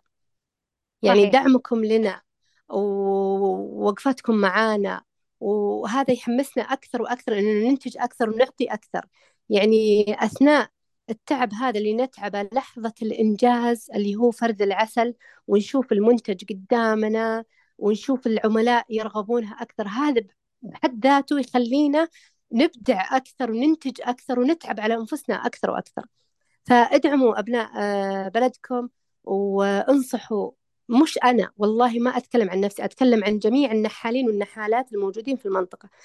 مش في المنطقة عفوا في المملكة كامل من جميع المناطق. ادعموهم من الشمال للجنوب من الشرق للغرب ادعموهم. آه، ساندوهم تعلموا منهم علموهم أخطائهم. آه، حصلت في المنتج عيب صارح اللي هو النحال قول له إنه منتجك كذا كذا كذا بحيث ممكن ما يكون ما ما عنده علم في النقطة هذه أو في الخلل هذا. فأنت لما تنصحه يجد النصح من من العملاء فيطور من نفسه أكثر ويشتغل على نفسه أكثر. فأتمنى أتمنى من الكل من كل من يسمعني إنه يساند ابن بلده ويساند ابن منطقته. بحد ذاته. يعني ممكن يكون ابن عمك ممكن يكون ابن خالك ممكن يكون أخوك ممكن يكون آه، أي من كان. فدعمكم لهم هو اللي يخليهم يستمرون هم اللي يخليهم يست... يوصلون للعالمية. يعني أنا أنا ما صراحة كان تحدي بيني وبين نفسي إني أوصل للعالمية. ليش؟ أبغى الناس تشوف يعني إنه مو شرط الرجل هو اللي يوصل للعالمية. وما هو حرب ترى لا يظنون إنه حرب بين بين الرجل والمرأة. لا أبدا يعني آه، حتى حتى المرأة قادرة إنها توصل للعالمية. يعني إيش اللي يمنع؟ إذا كانت هي مجتهدة ومثابرة ومعطاءة وتشتغل بذمة وتشتغل بضمير وتسعى لثقة الناس فيها آه، هذا هذا بحد ذاته أعلى إنجاز صراحة إنه إنه أحصل على العالمية. وأتمنى كل نحالة وكل نحال كلهم إن شاء الله يوصلون للعالمية وكثير ما شاء الله تبارك الرحمن وصلوا للعالمية وحصلوا على جوائز عديدة جدا جدا. يعني ما شاء الله تبارك الرحمن كثير دخلوا هالمجال واستفادوا وأفادوا غيرهم كذلك. يعني قلصوا نسبة إقبال الناس على المستورد. يعني كان الناس يستوردون أكثر ويأخذون المنتج اللي هو المستورد. الحين أبناء البلد أنتجوا ما شاء الله من كل المناطق وبدأوا الناس بدأت ثقافة أنه المنتج المحلي من ابن البلد هو المنتج اللي فعلا يستحق أنه الشخص يقتنيه بكل ثقة. أكيد أكيد من أجمل الرسائل صراحة. يعني آه، أكيد آه، حنا ندعو لدعم المنتج المحلي وكذلك دعم أبناء البلد وكذلك دعم الأستاذة نورة يعني عندها منتجات عندها كذلك رقم للتواصل للواتساب. حتى لو كان يعني هي تحدثت آه، في أثناء حديثها بأنه المتجر الإلكتروني فيه يمكن تقريبا زي الخلل لفترة معينة لكنها تنتظر التحديث وتنتظر تواجد المتجر الإلكتروني. لذلك يعني تواصلوا معها في أي مواقع تواصل اجتماعي طبعا هي موجودة في آه، مثل ما ذكرت سناب شات كذلك تيك توك وكذلك رقم واتساب متواجد. طبعا راح ندرج حنا أسفل هذه الحلقة.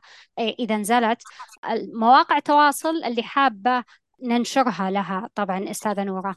وأكيد آه، يعني دعمكم وتواصلكم لشراء هذه المنتجات آه، يعتبر من ضمن آه، الأشياء لدعم المنتج المحلي وكذلك استمرار آه، أبناء البلد آه، في المجالات اللي آه، دخلوها. وحنا الآن نتكلم عن إنتاج العسل. هذا هو المجال اللي اليوم حنا أعطينا معلومات عن هذا المجال. وكذلك ذكرت الأستاذة نورة كثير من الأشياء اللي يعالجها العسل كثير من المنتجات المتواجدة لديها آه، سواء كانت. منتجات مشتقة منتجات عسل آه، أو شمع عسل أو المسميات الأخرى وكذلك المنتجات العسل التحويلية فالآن أنا فقط بس حابة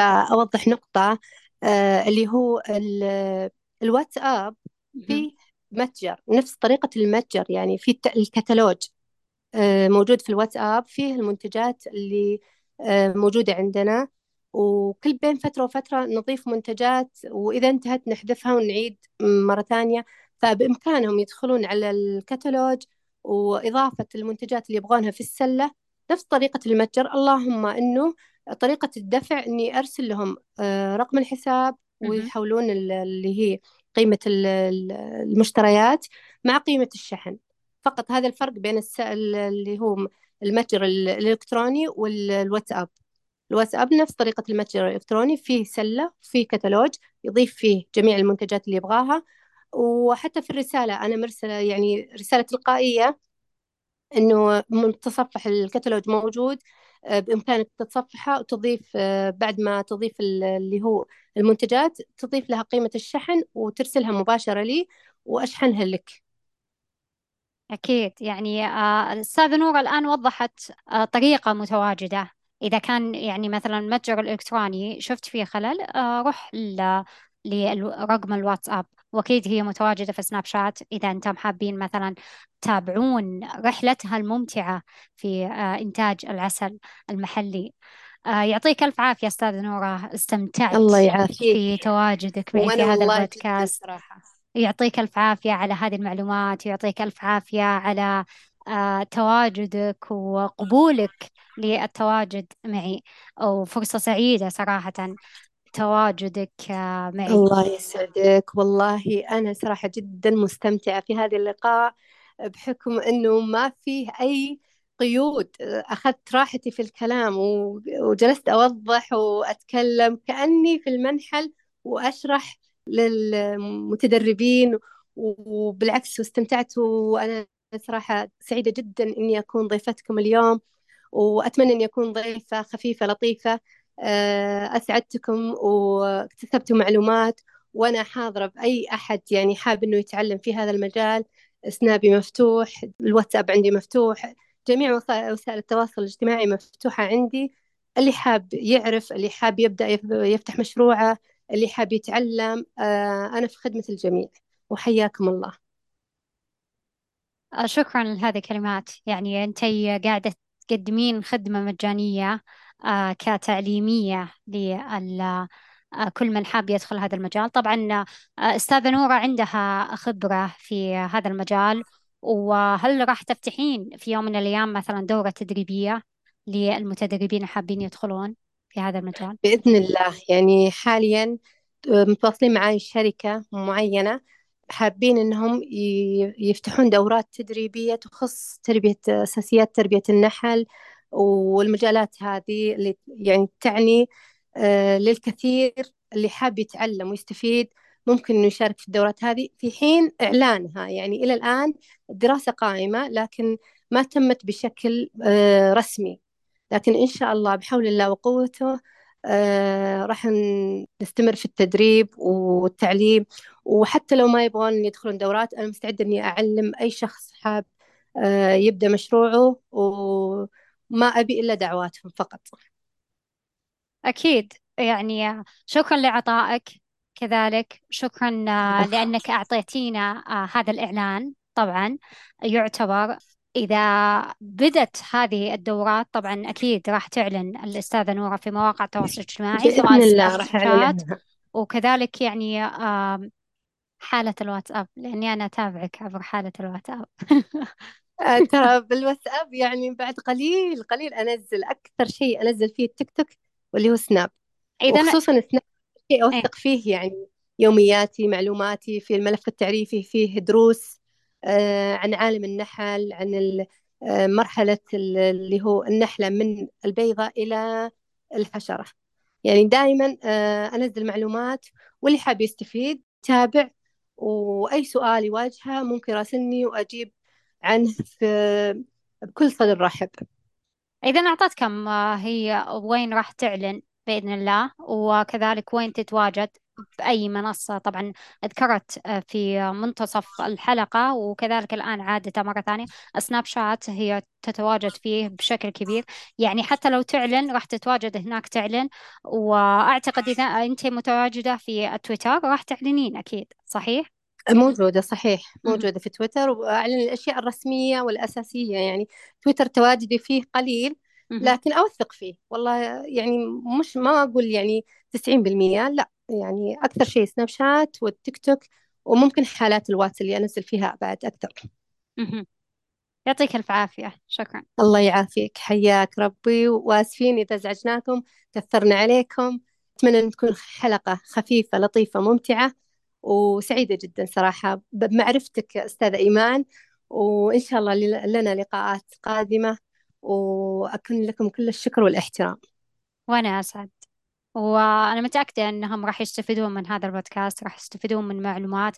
حتى لو كان يعني الله. طويل حتى لو كان الوقت طويل ما عليك راح يستفيدون بإذن الله.